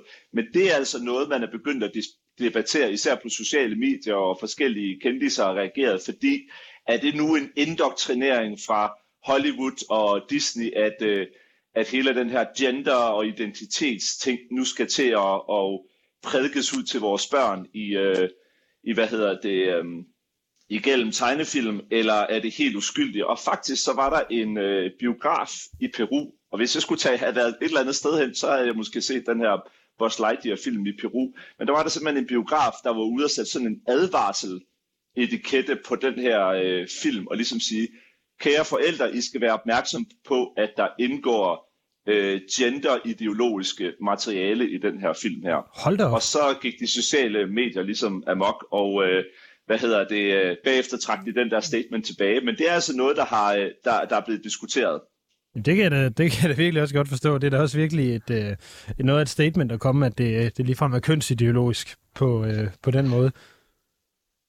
Ja, og så er det jo så er det skægt, fordi at, at det der så, altså, forstår man nu ret, der er jo, der er jo noget med, at, øh, at selvfølgelig øh, optager hele øh, gay rights, øh, og der er jo, øh, hvad hedder det, meget undertrykkelse, diskrimination og, og vold mod transkønnede og homoseksuelle i Latinamerika, så selvfølgelig optager det noget, men det der blev reaktionen på dem der, der begyndte at sige, hov, skal vi nu til at se et lesbisk kys i en animationsfilm, der har internettet og de sociale medier reageret med enormt meget humor på det. Øh, Jeg så blandt andet et lille TikTok-klip af en, øh, en mor, som sidder og siger, øh, hvordan, hvordan kan vi overhovedet tage vores børn med ind og se den her film, når vi udsætter vores børn for en hel masse ting, som børnene slet ikke er klar på. For eksempel er der jo i filmen en talende øh, robotkat. Altså det er jeg slet ikke klar til at forklare mine børn. Og så joker de jo selvfølgelig lidt med, at der er jo også andre ting i sådan nogle tegnefilm, som børn slet ikke forstår, og som forældrene skal forklare. Men dybest set, så ligger børnene slet ikke mærke til det. Nej, og det, det, er jo, det er jo lidt sjovt, du siger, fordi det vil jo også være, være, være mit umiddelbare øh, bud eller noget, jeg vil, jeg vil sige til det her, at, at øh, det er jo fordi debatten omkring kønsideologier, nu kommer jeg selv til at bruge ordet, men omkring køn og omkring seksualitet fylder utrolig meget. Det gør det også i Latinamerika. Vi kommer til at tale lidt, lidt senere her om, om, om abort og, og hvad det betyder og hvad det ikke betyder i Latinamerika. Så jeg kommer ikke, det kommer ikke bag på mig, at det er på den her måde. Men nu, nu spurgte du mig jo her til start med, om, om jeg kunne huske og have set øh, eller første gang jeg så Toy Story. Og jeg må jo sige, at hver gang jeg har set en Disney-film eller en børnetegnefilm, efter jeg er blevet øh, voksen, så har jeg siddet og været sådan, nej, sagde de virkelig det? Hold da op, hvordan fattede jeg ikke det som barn? Eller selvfølgelig fattede jeg ikke den her øh, reference til sex, eller til et eller andet tredje. Øh, selvfølgelig gør man ikke det, fordi man er et barn. Så, så jeg synes, det, jeg, jeg er nok meget på den her mors øh, hold i virkeligheden, ja. og synes, det er en ret fed måde at gribe det an på. Og selvfølgelig er det, det er jo også reelt nok, at man uh, diskuterer det, hvis vi lige sådan, altså, uh, skal tage nogle reaktioner. Altså, så er filmen jo, den er blevet uh, uh, forbudt eller taget af. Den ikke, bliver ikke vist i 14 lande, dog primært i, uh, i Mellemøsten, og så er der nogle steder, hvis nok i Kina, hvor de bare klipper det der uh, Øh, kys, lesbiske kys ud. Øh, den er ikke blevet forbudt nogen steder i Latinamerika, men, øh, men ja, den har været den her debat, og det sjove det er så, at ham... øh, ham som er stemmen til uh, Buzz Lightyear, øh, Chris Evans, altså går ud og siger, øh, de er simpelthen nogle idioter, de folk der, der reagerer på det. Så, så hvad skal man sige? Altså noget så uskyldigt i gåsøjen som øh, en tegnefilm, den, øh, den har man øh, reageret på, og hvis vi lige skal hive den ud til Latinamerika, som, som du siger så, øh, for lidt siden, så siger det jo også bare noget om, hvad er det for nogle debatter, der lidt får, får sinden i kog, og ja, abort også, som vi skal snakke om lidt senere. Ja, det er jo sådan lidt sjovt, ikke? fordi det er jo, øh, jeg synes, det er, det er fedt, du har taget den her med, fordi det er jo sådan en, en ting, der er meget aktuel og kigger, kigger fremad, fordi vi plejer jo at stille hinanden det her spørgsmål om, hvor vil du gerne have været i, i den seneste uge, eller de seneste to uger i, i Latinamerika. Du ville så gerne have været i en biografsal i, i Peru, og øh, det er jo så her, hvor jeg bliver nødt til at sige, at jeg vil jo gerne have været på havets bund. Ja, og jeg ved, at det er noget med noget skattejagt eller et eller andet, der går helt Pirates of the Caribbean i det. Det er meget, det er meget sjovt, du siger, det er meget, meget sjovt, du siger lige præcis det, fordi det er jo netop det, den musik, vi bliver nødt til at sætte på, for at få, uh, få lidt af den her her stemning, fordi det, der er sket i, i Colombia, det er jo, at, uh, at man ud for Cartagena op i det nordlige Colombia, har fundet et 300 år gammelt vrag af en, øh, af en, af en gammel spansk galeon. Og det er altså ikke et hvilket som helst galeonskib, der er blevet fundet deroppe. Det er den største skat, der måske er nogensinde er blevet forsøgt fragtet fra øh, de spanske kolonier i Latinamerika tilbage til Sevilla og, og Spanien som altså er blevet, det her skib blev, blev sænket i et øh, stort søslag mellem, hvad hedder det, spanierne og, øh, og englænderne, og har altså været forsvundet i 300 år. Men nu har man fundet det. Og det synes jeg er, som, som historieinteresseret, synes jeg, det er sindssygt spændende, at man, man har fundet det her gamle vrag, og har fundet guldskatte og kinesisk porcelæn spredt ud over havbunden. Altså, jeg elsker alt ved den her historie. Jeg ved ikke, hvad du tænkte, øh, da du læste, men det her med, at der, det er jo også noget af det, vi elsker ved Latinamerika, det her med, at der er nogle, nogle øh, uberørte skove og øde øer eller jungleområder, eller hvad ved jeg. Og, øh, og så lige pludselig så finder man, lidt ligesom man finder gamle Maya-ruiner eller Inka-ruiner, jamen så finder man sådan en skat her, og øh, altså, jeg ved det ikke, nu har du sat dig mere ind i det, men det starter vel sådan et eller andet øh, guldgraver-rush, eller skattejagt-rush, eller hvad, hvad, hvad kommer der til at ske med det? Ja, altså det, det, egentlig, det, det er faktisk ikke særlig spændende, øh, for nu at være helt ærlig, øh, fordi det, det, det kommer til at lugte mere et juridisk slagsmål, fordi nu skal de jo diskutere, hvem er det, der ejer den her skat? Hvem, ja, er det, der, hvem, er det, der har, hvem er det, der har ret til at bjerge den? Og spanierne har jo allerede været ude og sige, det er vores. Fordi det var jo, øh, hvad kan vi sige, i øh, den spanske stats besiddelse, da det blev sænket. Og så mener spanierne, fordi det jo stadigvæk ligger i et spansk skib, endda et flansk flådeskib, det skal vi lige huske, at der kommer det her militær øh, element ind i det også, som jo betyder rigtig meget i forhold til, øh, hvad hedder det, den, den juridiske hvad kan vi sige, ej, det er jo juridiske ejerskab. Så det er jo et slagsmål, der kommer til at være mellem Colombia og, øh, og Spanien nu, eller hvis vi nu tager den, de sædvanlige, havde jeg sagt, museumsdiskussioner om, øh, hvem har lov til at udstille eller eje noget fra gammel tid, så er det jo også et spørgsmål om, jamen, hvor kommer de her guldmønter fra? Hvor kommer de her smaragder fra, som, som altså ligger dernede? Er det måske peruviansk ejendom? Er det Ecuador? Er det Venezuela? Er det Brasilien? Er det Panama? De her øh, skatte er blevet nu siger jeg taget fra, fordi det, det vil jeg formode, de, de er blevet. Så det, det, det er det, man ligesom venter på nu. Det er, hvad der, hvad der ligesom skal ske med den her øh, ejer, øh, eller ejendomsret. Hvor, hvor, hvor, var det, hvor var det, du sagde, at, at øh, vraget var fundet igen helt præcis? Lige uden for Cartagena. Altså, eller lige uden for, men sådan, ude, ude, ude er, det, for, er, det, det er kolumbiansk er, det farvand. ja, er det der, vi skal ned og tage et dykkercertifikat, og så simpelthen snige os derud og se, om vi kan finde en guldmønt eller to? Det synes jeg lyder som en god idé. Jeg skal ikke noget i næste uge i hvert fald, så øh, Lad os gøre det. Jeg, jeg kan helt vildt godt lide det. Ved du, jeg kommer lige til at tænke på, at øh, da jeg første gang kom til Latinamerika, eller anden gang faktisk, øh, der boede jeg ved en, øh, en familie, øh, og de var lærere på universitetet, og så deres søn øh, og jeg, vi sidder på et tidspunkt og ser, nu går den vilde skattejagt, jeg ved ikke engang, hvad den hedder på engelsk, eller, men øh, med Michael Douglas, som også er sådan en, hvor han er ude og finde nogle skatte i junglen og sådan noget. Og så lander de, så vidt jeg husker, i El Salvador. Og så i det der klip der, når de lander i El Salvador i lufthavnen og skal ud på den her skattejagt, så går der en mand med et æsel igennem, øh, hvad hedder det, øh, altså lige foran øh, lufthavnsbygningen, eller inde i lufthavnsbygningen.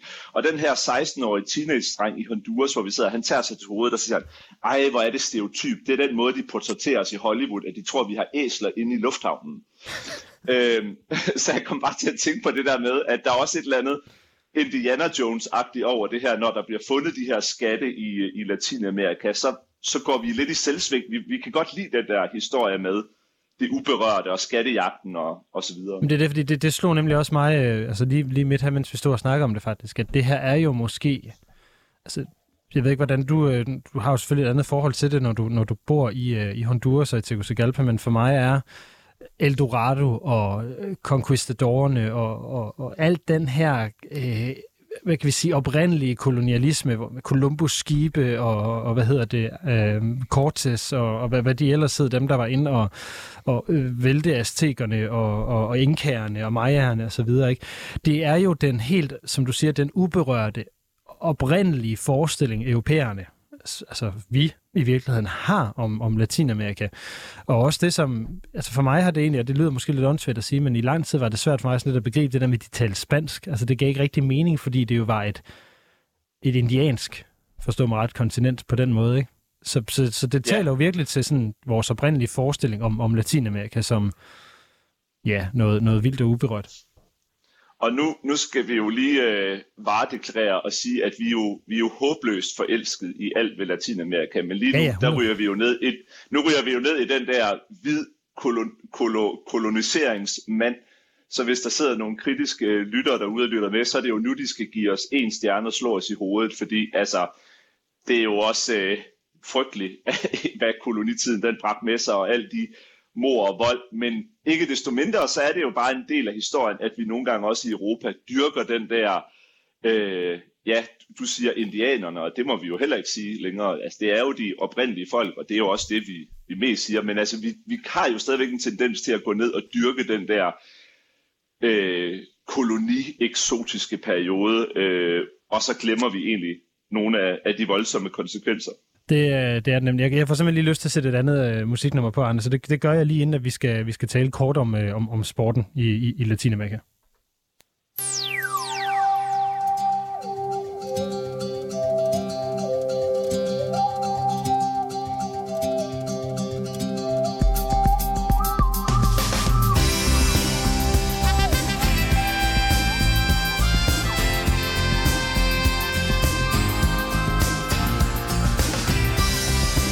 Jeg ved ikke, om folk derude de kan genkende det, men hvis man har set den her Vejen til Eldorado, altså på dansk der er det Flemming Bamse Jørgensen, der, øh, der egentlig har sunget sangene.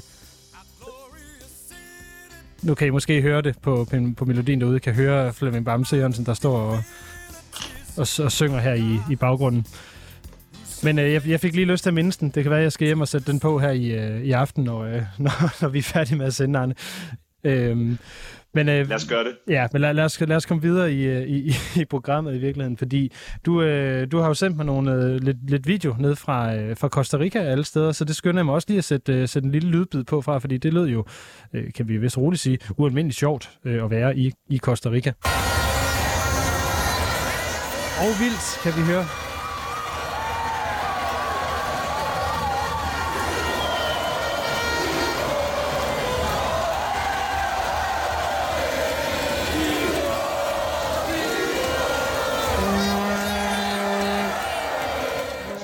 Så er det her et fodboldstadion, eller hvad er det for noget? Nej, det er fra, øh, hvis der nu sidder nogen, der lytter med, som kender Costa Rica, så er det nede øh, i rund, en, stor, en stor rundkørsel nede ved det gamle San Pedro Mall. Og det er min gode ven Felipe, som øh, havde trukket i landsholdstrøjen og var nede og fejre, at Costa Rica kommer med til VM. Og Costa Rica er jo bare en darling i VM-fodbold, og øh, nu skal vi jo altid passe på, Lasse, fordi dig og mig, vi, vi elsker jo også fodbold, og det her det er jo ikke et fodboldprogram, men man, man kan jo ikke rigtig snakke øh, Latinamerika uden at snakke Maradona og Pelé, og en af de nyere stjernehistorier, det er jo Costa Ricas øh, VM-eventyr, og VM, øh, det siger nu velkommen til Costa Rica, fordi de har lige kvalificeret sig. Ja, og det er, jo, øh, det er jo fantastisk for Costa Rica. Det er jo et øh, dejligt bekendtskab at få tilbage til, øh, til VM-turneringen. Men øh, på, på den ene side, så er de rigtig glade i Costa Rica, og på den anden side, så er de rigtig kede af det i Peru, fordi Peru jo øh, var det sidste hold, vi manglede at finde ud af, om de skulle med eller ej. Og de tabte altså deres playoff-kamp øh, mod Australien. Øh, så de skulle have spillet mod Danmark, så vi kunne have fået en, en, øh, ja, en, en gentagelse af, af en af kampene her fra VM i 2018. Så ikke noget øh, latinamerikansk modstand til Danmark, øh, desværre. Nej, vi sender en, en, en kærlig tanke til de venner og, og, og kontakter, vi nu hver især har i, i Peru, fordi det var virkelig også bare, øh, åh, hvor de længtes efter bare at komme tilbage til VM. Det var kæmpestort, og så ender de jo desværre med at tabe. Så tillykke til Costa Rica, og øv øv for Peru, må man sige. Ja, Kepenia til, øh, eller Kepena til, øh, hvad hedder det, til, øh, til Peru.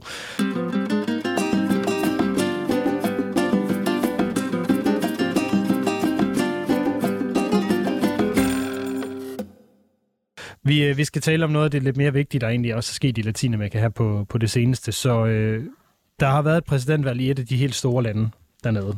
Øh, det synes jeg, vi skal gå, gå over til. Og der har været et ret overraskende, hvad kan vi sige, øh, jeg ved ikke, om vi skal sige, at det var en overraskende vinder, men, men det har været et, øh, et, et interessant præsidentvalg. Så prøv lige at, at høre med her på, hvad det er, der egentlig er, er sket i, i Colombia. In Colombia's capital last night, a population hungry for change cheered the man who promises transformation. Thousands waved flags and chanted, Yes, we did it, and hailed Colombia's first ever left wing president. A su presidente, Gustavo Petro. Introduced by the country's first black vice president, President elect Gustavo Petro pledged a new path. En este día que indudablemente es histórico.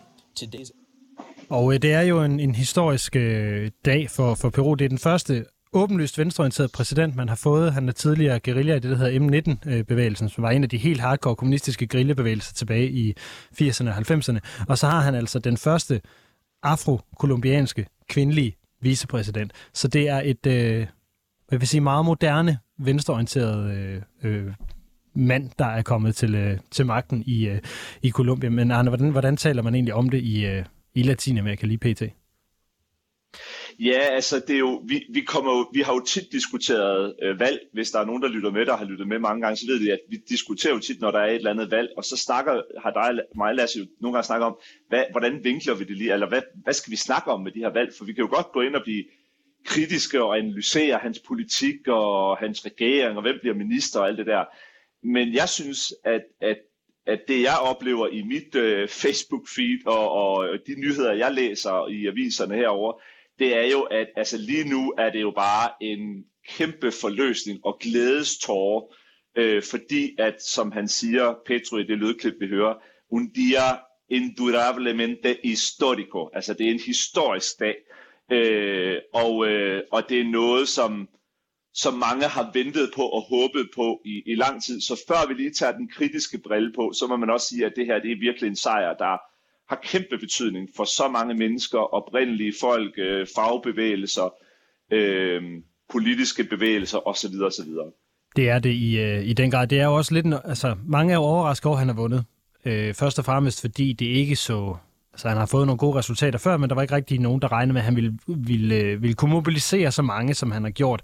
Og det handler jo blandt andet om, at der er en meget, meget ung vælgerbase i, øh, i Colombia, hvor han blandt andet har haft enormt stor succes med, øh, hvad hedder det, med TikTok, øh, som en del af sin kampagne, modsat hans modkandidat, som var den her også en overraskelse. En anti-establishment-kandidat i, i Rodolfo Hernandez, som var den her lidt gamle Donald Trump-agtige type, som var tidligere borgmester i Bucaramanga, og som, øh, hvad hedder det, øh, kørte meget på det her med, at øh, nu skulle man kæmpe mod korruption, men han var selv lidt under anklage for det. Øh, så sådan lidt en, lidt en, en, en ubehagelig type, hvor jeg personligt er, er mere glad for, at det er Petro, der har, eller Gustavo Petro, der har, der har, der har vundet det dernede. Men, men han har altså overrasket den her gode øh, Gustavo Petro, og det, han er jo en af mange venstreorienterede, eller i hvert fald til synligheden venstreorienterede øh, ledere, som er blevet valgt på det seneste, blandt andet i, øh, i, i, han har sagt, i dit land, Arne, i, i Honduras med Xiomara Castro, som blev valgt her øh, i, i efteråret, som jo også er, øh, hvad kan vi sige, venstreorienteret. Så har vi haft den bølge rullende øh, ind over de, de, de, latin, de latinamerikanske lande. Men hvordan skal jeg spørge om det her? Betyder det også, at tingene rent faktisk kommer til at forandre sig? Betyder det, at det bliver mere lige, og det bliver bedre for, for de oprindelige folk, og at vi får mere ret til abort, vi får mere flere rettigheder til, øh, til, de, til de homoseksuelle, til de transkønnede, og får naturen flere rettigheder, og alle de der ting, som der nu ligger i, i den typiske venstrefløjs, øh, hvad hedder det, portefølje. Ja, det er jo, og det er jo, så kan du se, så går vi ind i den der kritiske, hvor vi siger, øh, hvad, hvad kommer vi til at se af forandring? Og, og jeg vil godt lige svare på det, men jeg synes lige, der er to små pointer stadigvæk, som vi skal have med øh, i det her fejringsmode. Det ene ting, fordi det er jo blevet lidt en sport, at vi går ind, og hver eneste gang der er en eller anden præsidentkandidat, så, så ynder vi nu på global plan at sige, at han er sådan lidt Trump-agtig. Og det var øh, modkandidaten også, som jo nok hurtigt ville blive glemt i historiebøgerne. Men noget, som han gjorde, der ikke var ret Trumps, det var jo, at han faktisk kort tid efter erkendte sit valgnederlag og ringede og sagde tillykke. Og det synes jeg virkelig også er, når man ved, hvor tit, at der kommer protester og tvivl om valgresultater osv., er også en sejr for demokratiet, at det sker. Og så synes jeg også, at, øh, at vi bliver nødt til at stoppe op ved den her øh, enormt spændende vicepræsident. Altså jeg må indrømme, at første gang, at, øh, at, at det kom ind på min radar, hvem der stillede op som vicepræsident, der tænkte jeg også, wow, det her det er virkelig nyt, og det er spændende. Ja, det er jo, det er jo nemlig det. Men, men øh, det, som vi har talt om rigtig mange gange, når det kommer til de her øh, hvad sige, venstreorienterede ledere, det er jo hvad kan vi sige, ja, hvordan skal jeg sige det, det her problem, der kan ligge i, at de ikke er vant til at stå i spidsen for det reelle magtapparat. Altså, at man, yeah. at, at man jo skal udskifte nogen, og så er de anklaget, jeg ved ikke hvor mange, for korruption og for nepotisme og det ene og det andet, som sikkert er rigtigt. Men, men så er det jo det der med at stå testen.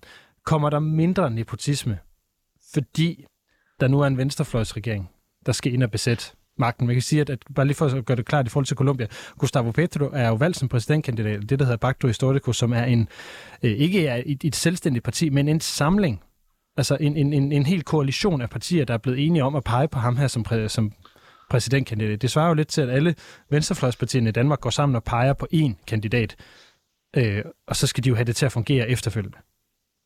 Ja, og, og øh og igen, øh, jeg håber virkelig, at han kommer til at lykkes, og han har jo nogle, nogle kæmpe udfordringer, der ligger foran sig, øh, med øh, ulighed og fredsaftalen, øh, jordreformer og arbejdsløshed på bagkant af covid og øh, stigende madpriser. Alt det der. Han har masser af udfordringer. Jeg håber virkelig, at han lykkes, og vi får det her friske pust. Og så kommer det der men, fordi at, øh, at, at igen, der er ikke nogen regeringer i Latinamerika, der er immune over for Øh, man kan ikke tage en eller anden vaccine, vaccine og blive immun over for korruption. Altså, det er der bare, og øh, nu bor jeg jo tit Honduras her, hvor jeg bor som en referenceramme, og øh, der håber rigtig mange jo også på, at den nye præsident Xiomara, hun kommer ind og laver en forandring. Men lige nu, altså der er det, som alle taler om, det er, at, at ansættelser i hendes egen inderkreds, i ministerierne, i vigtige magtposter, det er præget af meget, meget stor nepotisme. Det er niæser, nivøer, onkler, tanter og sønner og døtre. Og øh, nepotisme er jo også korruption. Så på den måde, så, så, øh, ja, så håber folk jo på en forandring. Jeg, jeg, jeg stødte på et meget interessant øh, citat fra en, øh, en reaktion på valget for øh, en argentinsk øh, forfatter og journalist, der hedder Diego Fonseca, som siger, på den positive side, at det her det er en historisk mulighed for venstrefløjen. Altså Latinamerika er ved at blive helt rødt nu. En historisk mulighed for venstrefløjen, men det er også nu, de skal vise, at de kan regere, at de kan være progressive, og at de kan være inkluderende for alle, også for dem, som, hvis, som måske har anderledes synspunkter, end de selv har. Præcis, og, øh, og der kommer også en ting, hvis vi nu taler specifikt om Colombia igen, som er med Gustavo Petro. Det her det er en analyse, øh, som, som kommer fra Latin America Risk Report i virkeligheden. Men det her med, at, at øh, Petro, han er en, øh, som de kalder det, en, en karriere-oppositionspolitiker. Det vil sige, at han jo ikke har vant til at sidde i magtens centrum, men han er fremragende til at øh, hvad hedder det, de diskutere med folk på alle mulige måder. Og det betyder også, at han har et ry for at være, være svær at samarbejde med, og, og, at, og nu skal han jo ikke ud og diskutere bare for at diskutere med folk. Nu skal han jo være pragmatisk og finde løsninger. Og det er der jo mange, øh, har jeg læst andre analyser også, som siger, uha, kan han nu det? Præcis, og det ved vi jo, øh, du ved, i vores egen lille andedam. Nu har jeg godt nok ikke boet i Danmark i nogle år, så du er måske mere opdateret, men der snakkede man jo også i sin tid om, Dansk Folkeparti, øh, tør de virkelig at, at gå ind i regeringen og blive minister? Og der er jo en verden til forskel på at stå udenfor og kritisere indgå kompromis og, og så videre, og så faktisk have ansvaret, ansvaret. Og det er jo det, man, man diskuterer øh, i Latinamerika, når nogle af de her venstreorienterede øh, og centrum-venstre regeringer, der kommer ind, som helt afgjort er et nyt frisk pus, men kan de, kan de regere, kan de administrere, kan de fikse hullerne i vejen, kan de få, øh, få, få øh, altså... Øh, kan de kan lade være med at ansætte deres venner? Ja, ja og kan de, kan de levere resultater, fordi der er bare noget forskelligt i at sidde nede på, øh, på rækken, bagerste række til en generalforsamling, og hele tiden række hånden op og protestere dem, der har ansvaret, og så lige pludselig sidde op ved hovedbordet og faktisk levere resultater. Og det er jo det, som mange af os folk på højrefløjen håber kommer til at ske i Colombia, at vi får noget fremgang, men nogle er også skeptiske. Det er det. Vi efterlader valget i Colombia. Der selvfølgelig ønsker Gustavo Petro held og lykke og krydser fingre for, at hans projekt rent faktisk lykkes. Det vil være godt for både Colombia og for, øh, for Latinamerika som, øh, som helhed.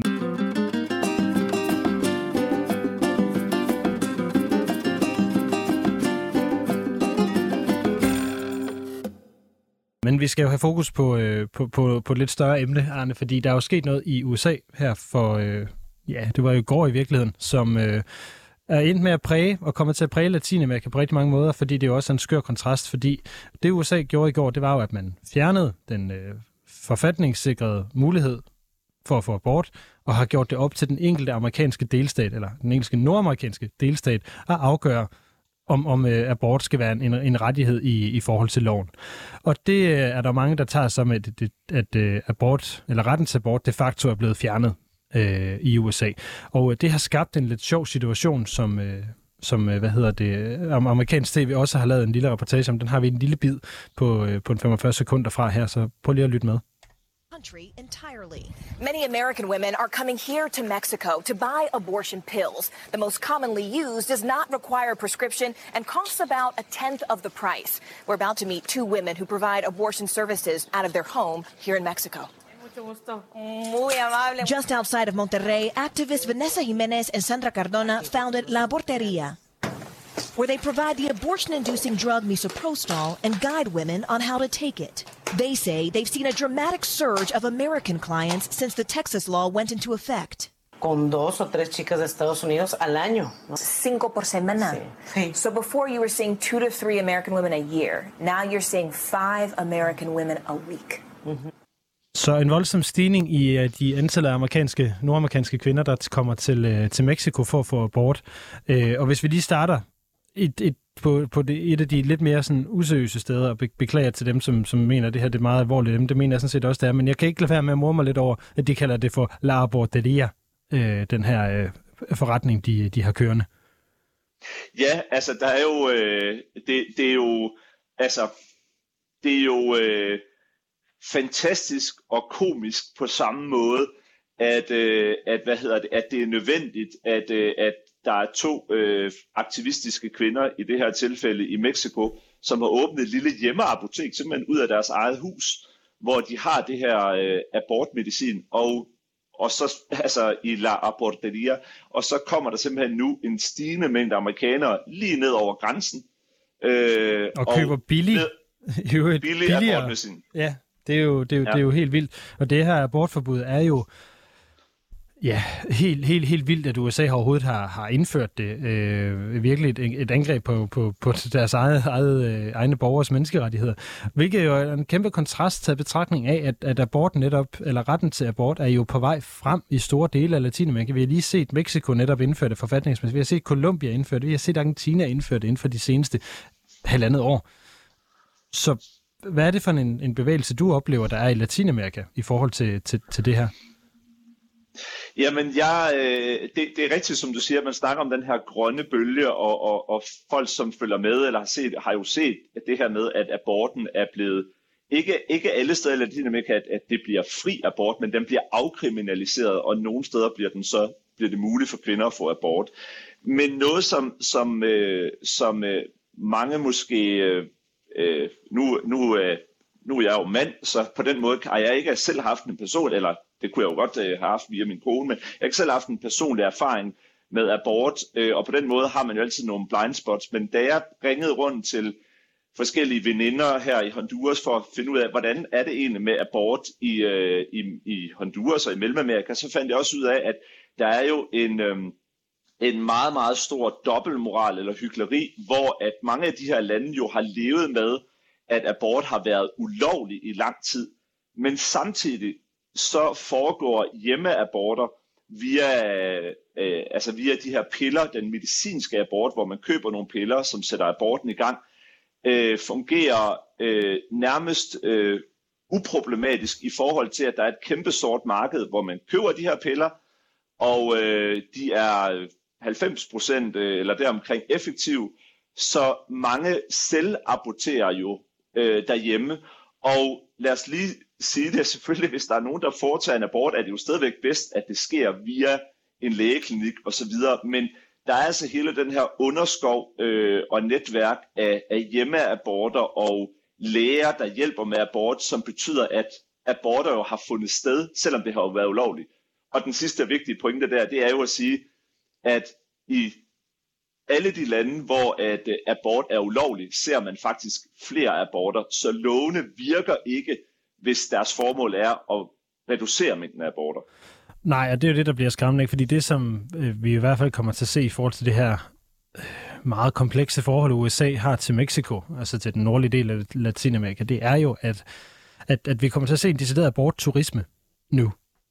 Ja, og den er, og den er der allerede. Altså, der er øh, øh, både det her med, at der, der simpelthen er apoteker og hjemmeapoteker, der ligger på grænsen der, og hvor man kommer ned og køber piller, og der er også deciderede abortklinikker, som, øh, som modtager de her kvinder her. Og fordi der er øh, det her hykleri hyggeleri eller dobbeltmoral, hvor man har meget strenge lovgivninger, men de ikke altid bliver håndhævet, så betyder det, at folk i middelklassen og folk, der er rige, kan købe sig til en abort, og hvem er det så, at aborten rammer, ligesom det er i El Salvador, Honduras, Nicaragua, øh, Bolivia, hvor det nu er. Altså, det er de fattigste kvinder, det er dem uden nogle muligheder langt ude på landet. Øh, det er dem, der bliver ramt af, af nogle tragiske situationer, hvor de er overladt til sig selv øh, og deres graviditet, og ikke får hjælp, fordi at der er sådan en streng lovgivning. Præcis, og det er jo et, det er jo et vanvittigt kom, altså igen, komplekst, bliver ved med at sige spørgsmål her, altså fordi i min verden, der burde kvinder bare have ret til det eller ret til at få, få, få en abort, men vi, vi kommer netop til at stå i den her ja, mærkværdige situation, at, øh, at Latinamerika lige pludselig bliver bannerfører for nogle menneskerettigheder, som USA har valgt at fjerne, og det er jo ikke ligefrem det, vi plejer at se. Og vi har også set, hvad hedder det, øh, altså generelt lidt et latinamerikansk øh, oprør mod øh, USA her senest ved det her såkaldte Summit of the Americas. Øh, nu sætter jeg det måske op på en meget høj klinge, men, men oplever du egentlig, at, at øh, respekten for USA som storebror på det amerikanske kontinent er, er, er, eller er ved at vakle. For det virker lidt sådan, synes jeg. Øhm, altså USA er jo stadigvæk en supermagt og, ja, ja, vi, vi, kæmpe, altså... kæmpe, kæmpe ambassade osv. Men jeg følger din tanke i, at der er, øh, det er jo efterhånden mange år siden, at man begyndte at høre den her øh, refræng med, at man snakker om en amerikanisering af øh, Latinamerika og en latinamerikanisering af USA. Der bor jo hvad er det, 40-50 millioner spansktalende latinoer i USA. Og, og det her med abort, det får jeg sådan lidt, lidt nyt til det, hvor at, at det jo på en eller anden måde noget, i vores verdensbillede, der vender sig på hovedet, at vi ser en grøn bølge i Latinamerika, hvor kvinder i mange år har kæmpet for den her rettighed, hvor at, øh, at øh, uanset hvad man kan sidde og mene om abort, har, der har været nogle frygtelige, horrible, øh, øh, øh, hvad hedder det, betingelser for kvinder, øh, hvor de bliver kriminaliseret, de bliver sat i fængsel, øh, de ikke kan få hjælp, det er tabu osv., men hvor der så er den her underskov af, af, af sort marked, hvor man kan få hjælp til sin abort. Men nu ser vi altså, at abort bliver, bliver friere og friere i Latinamerika, og så modsat i USA, Øh, bliver det nu bandlyst øh, eller, eller gjort kriminel. Og, og de der modsatrettede øh, tendenser, det, øh, det skal man lige vende sit hoved omkring for at forstå.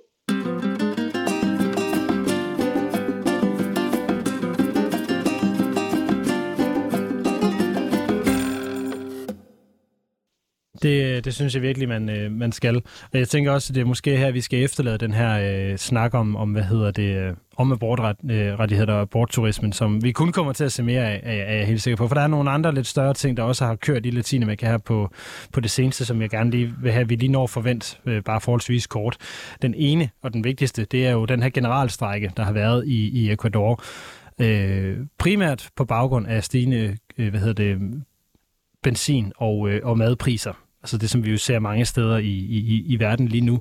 Øh, jeg må indrømme, jeg blev lidt overrasket over, at det lige var Ecuador, den, den ramte, og særligt det her med, at det primært er oprindelige folk, der står bag øh, at drive de her protester. Det er dem, der er mest aktive lige i, i øjeblikket, fordi det er dem, der bliver ramt hårdest, det er dem, der har lavest lønninger og føler sig aller, aller mest presset øh, af de her... Øh, den her stigende inflation og de her øh, voksende øh, madpriser. Øh, og uden at gå sådan specifikt ned i Ecuador, så tænker jeg, at det her det måske bare er en forsmag på, hvad vi kommer til at se i andre latinamerikanske lande i løbet af det næste halve år.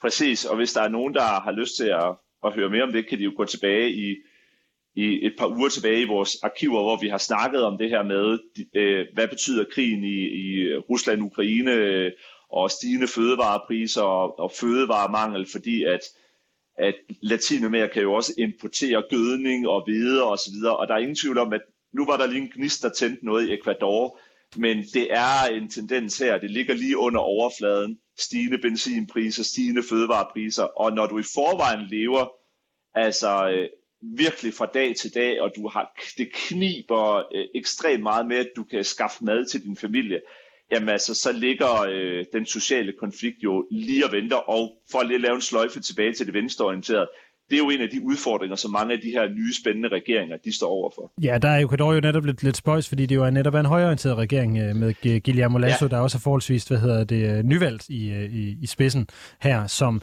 bliver særlig hårdt øh, ramt, fordi det jo er en mere, hvad vi sige, naturlig fjende eller modstander for de her oprindelige folk, øh, end, end, øh, end en venstreorienteret regering har været. Og det har altså været så massivt i Ecuador, at vi den seneste uge har set, at hovedstaden Quito har været blokeret øh, på primære indfaldsveje, på de store veje, på alle mulige steder, og som sagt primært drevet af de her øh, oprindelige folks øh, forskellige grupperinger. Om, altså mindst, med, mindst tre mennesker er, er blevet dræbt i løbet af den seneste uge, og over 100 mennesker er blevet, blevet såret. Øh, så det er et... Øh, altså, det, det er en meget alvorlig situation i, i Ecuador lige pt. Der er også blevet erklæret undtagelsestilstand i, i 24 af landets øh, provinser. Afgjort. Det, øh, det, kan, det kan sagtens være, at vi ikke har set enden på det at det kommer til at fortsætte. Mm. Det, øh, det er der i hvert fald noget, der, der, kan, der kan tyde på, og det er jo et, også igen med, med udgangspunkt i, at Ecuador er enormt bange for, at, øh, at, at, at der er alle for mange, der kommer til at ind i, i fattigdom i, i det her land.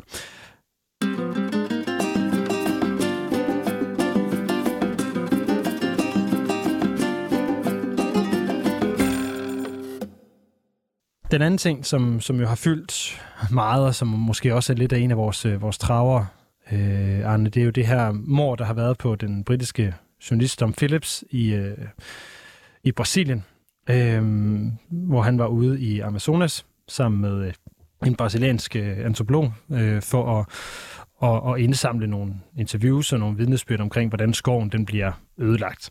Og han er, han er jo så blevet fundet, eller de to er jo er blevet fundet, øh, eller i hvert fald resten af dem er blevet fundet øh, inde, i, inde i skoven i nærheden af, af Amazonasfloden. Øh, den sag er godt belyst i, i de andre danske medier, blandt andet i Genstart, hvor Christian Allenblad var med så det er lige en anbefaling herfra. Men hvis vi lige hæver os op på den lidt større, og så siger Arne, hvordan står det egentlig så til med, med det her øh, mediefrihed og, og, og drab på journalister i, i Latinamerika? Det er jo faktisk mest Mexico, vi har talt om øh, på det seneste som et problem. Ja, ja der er jo, altså det er jo, det er jo dybt tragisk, øh, det her dødsfald øh, på en, øh, en, en mand, som jo producerede en masse meget, meget vigtig information om, om forholdet i, i Amazonas og, og Brasilien.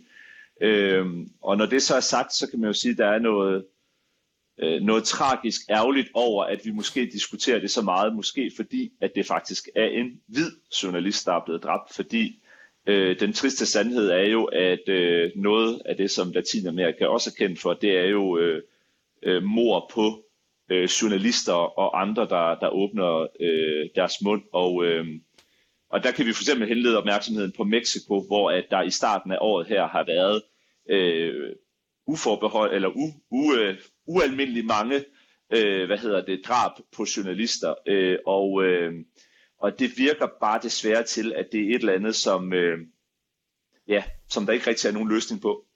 Nej, jeg vil også, lige, også bare lige tilføje, øh, hvad hedder det, en, en, en lille detalje til, til, til jer, der lytter med derude omkring det her. Det er altså i Brasilien, der taler vi man altså om, at der har været 59 drab på journalister siden 1995.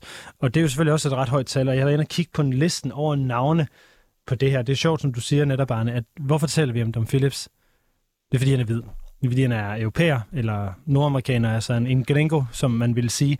Og der er altså ingen så vidt jeg lige kan se af den her liste af 59 navne over dræbte ved hvad hedder det, brasilianske journalister siden 1995, som jeg har hørt om eller kan genkende sagerne fra overhovedet. Så det siger jo også noget om, apropos hvad vi talte om tidligere med galionen skibet, hvad er det, der, ja. der, der, der trigger vores interesse øh, i, i Europa for, for de her ja, og, ja, og det er, det er jo, øh, altså et hver mor er jo, er jo tragisk, Øh, jeg bliver nogle gange spurgt for folk, som måske rejse, vil gerne vil rejse første gang til, til et eller andet syd- eller mellemamerikansk land, at, er det nu farligt eller et eller andet. Og faktisk, at jeg plejer at svare det her, det er ikke farligt for... Øh, for eller dig. Det er, nej, og det er ikke farligt for Vesterlænge. Altså, det er stadigvæk heldigvis relativt få gange, at man hører om øh, vesterlandske turister eller et eller andet, øh, der er øh, der, der bliver myrdet eller andet bevares. Øh, det, det sker. Øh, Mexico har også nogle problemer der. Men, øh, hvad hedder det, er du lokal journalist, fagforeningsleder eller, eller andet, og du åbner munden, du går op mod magthavere, så bliver det lige pludselig problematisk. Og det er jo også der, man ser, når der kommer udlandske journalister ind, som så bruger en lokal fixer, som det hedder, til at finde historierne, fordi de kommer måske lige ind en uge eller et eller andet, og så kommer de måske til at afsløre, hvem deres fixer er, som typisk tit er lokale journalister, og så er de lige pludselig i fare. Og der ser vi lidt nogle problemer i Mexico, og øh, vores kære præsident oppe i Mexico, AMLO, som øh, han bliver kaldt, har også det her problem. Han var jo også et, et håb for venstrefløjen, at han heller ikke helt har, har, har fagnet det her som en problematik, men også har lidt øh, øh, en tendens med at kritisere medierne, og øh, I må lade være med at være så kritisk over for regeringen osv. Så, så i stedet for at eje problemet og gøre noget ved, at journalister de er jaget vildt, så æbber det lidt ud i sandet.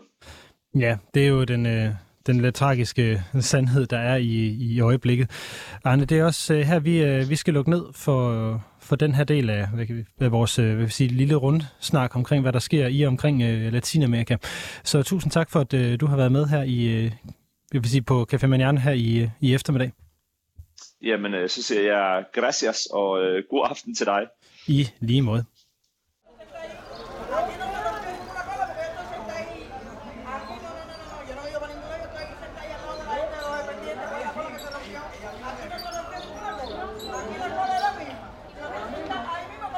Og nu er vi jo så småt også ved at nå, øh, nå til vej inde ved, øh, ved den her eftermiddag på, på Café Manjana, hvor vi skal prøve at komme lidt i den her latinamerikanske stemning og så videre. Jeg vil lige smide en anden ting ind her hurtigt til sidst.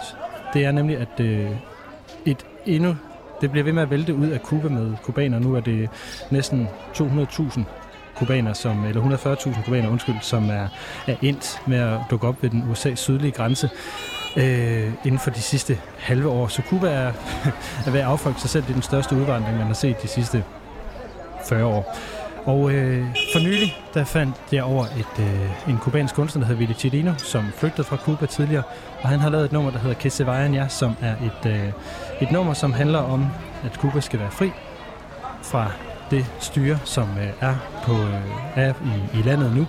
Og øh, jeg tror kun, at øh, den sang her, den får mere vind i sejlene, øh, som kubanerne de strømmer ud. Den skal vi høre nu. Tusind tak til alle jer, der har lyttet med til... Øh, Latinamerika Live og Café Manana. Det her er den sidste udsendelse af det her program. Jeg håber, I vil lytte med igen eller finde os på andre platforme, hvis, øh, hvis vi ikke fortsætter her på 24-7. Så følg med, og tusind tak for, at I har lyttet med. Muchas gracias, og her er Kessevejen. Ja. Que se lleve todo lo malo. Que se vaya, que se vaya. No aguantamos más los palos. Que se vaya ya. Porque el pueblo sufre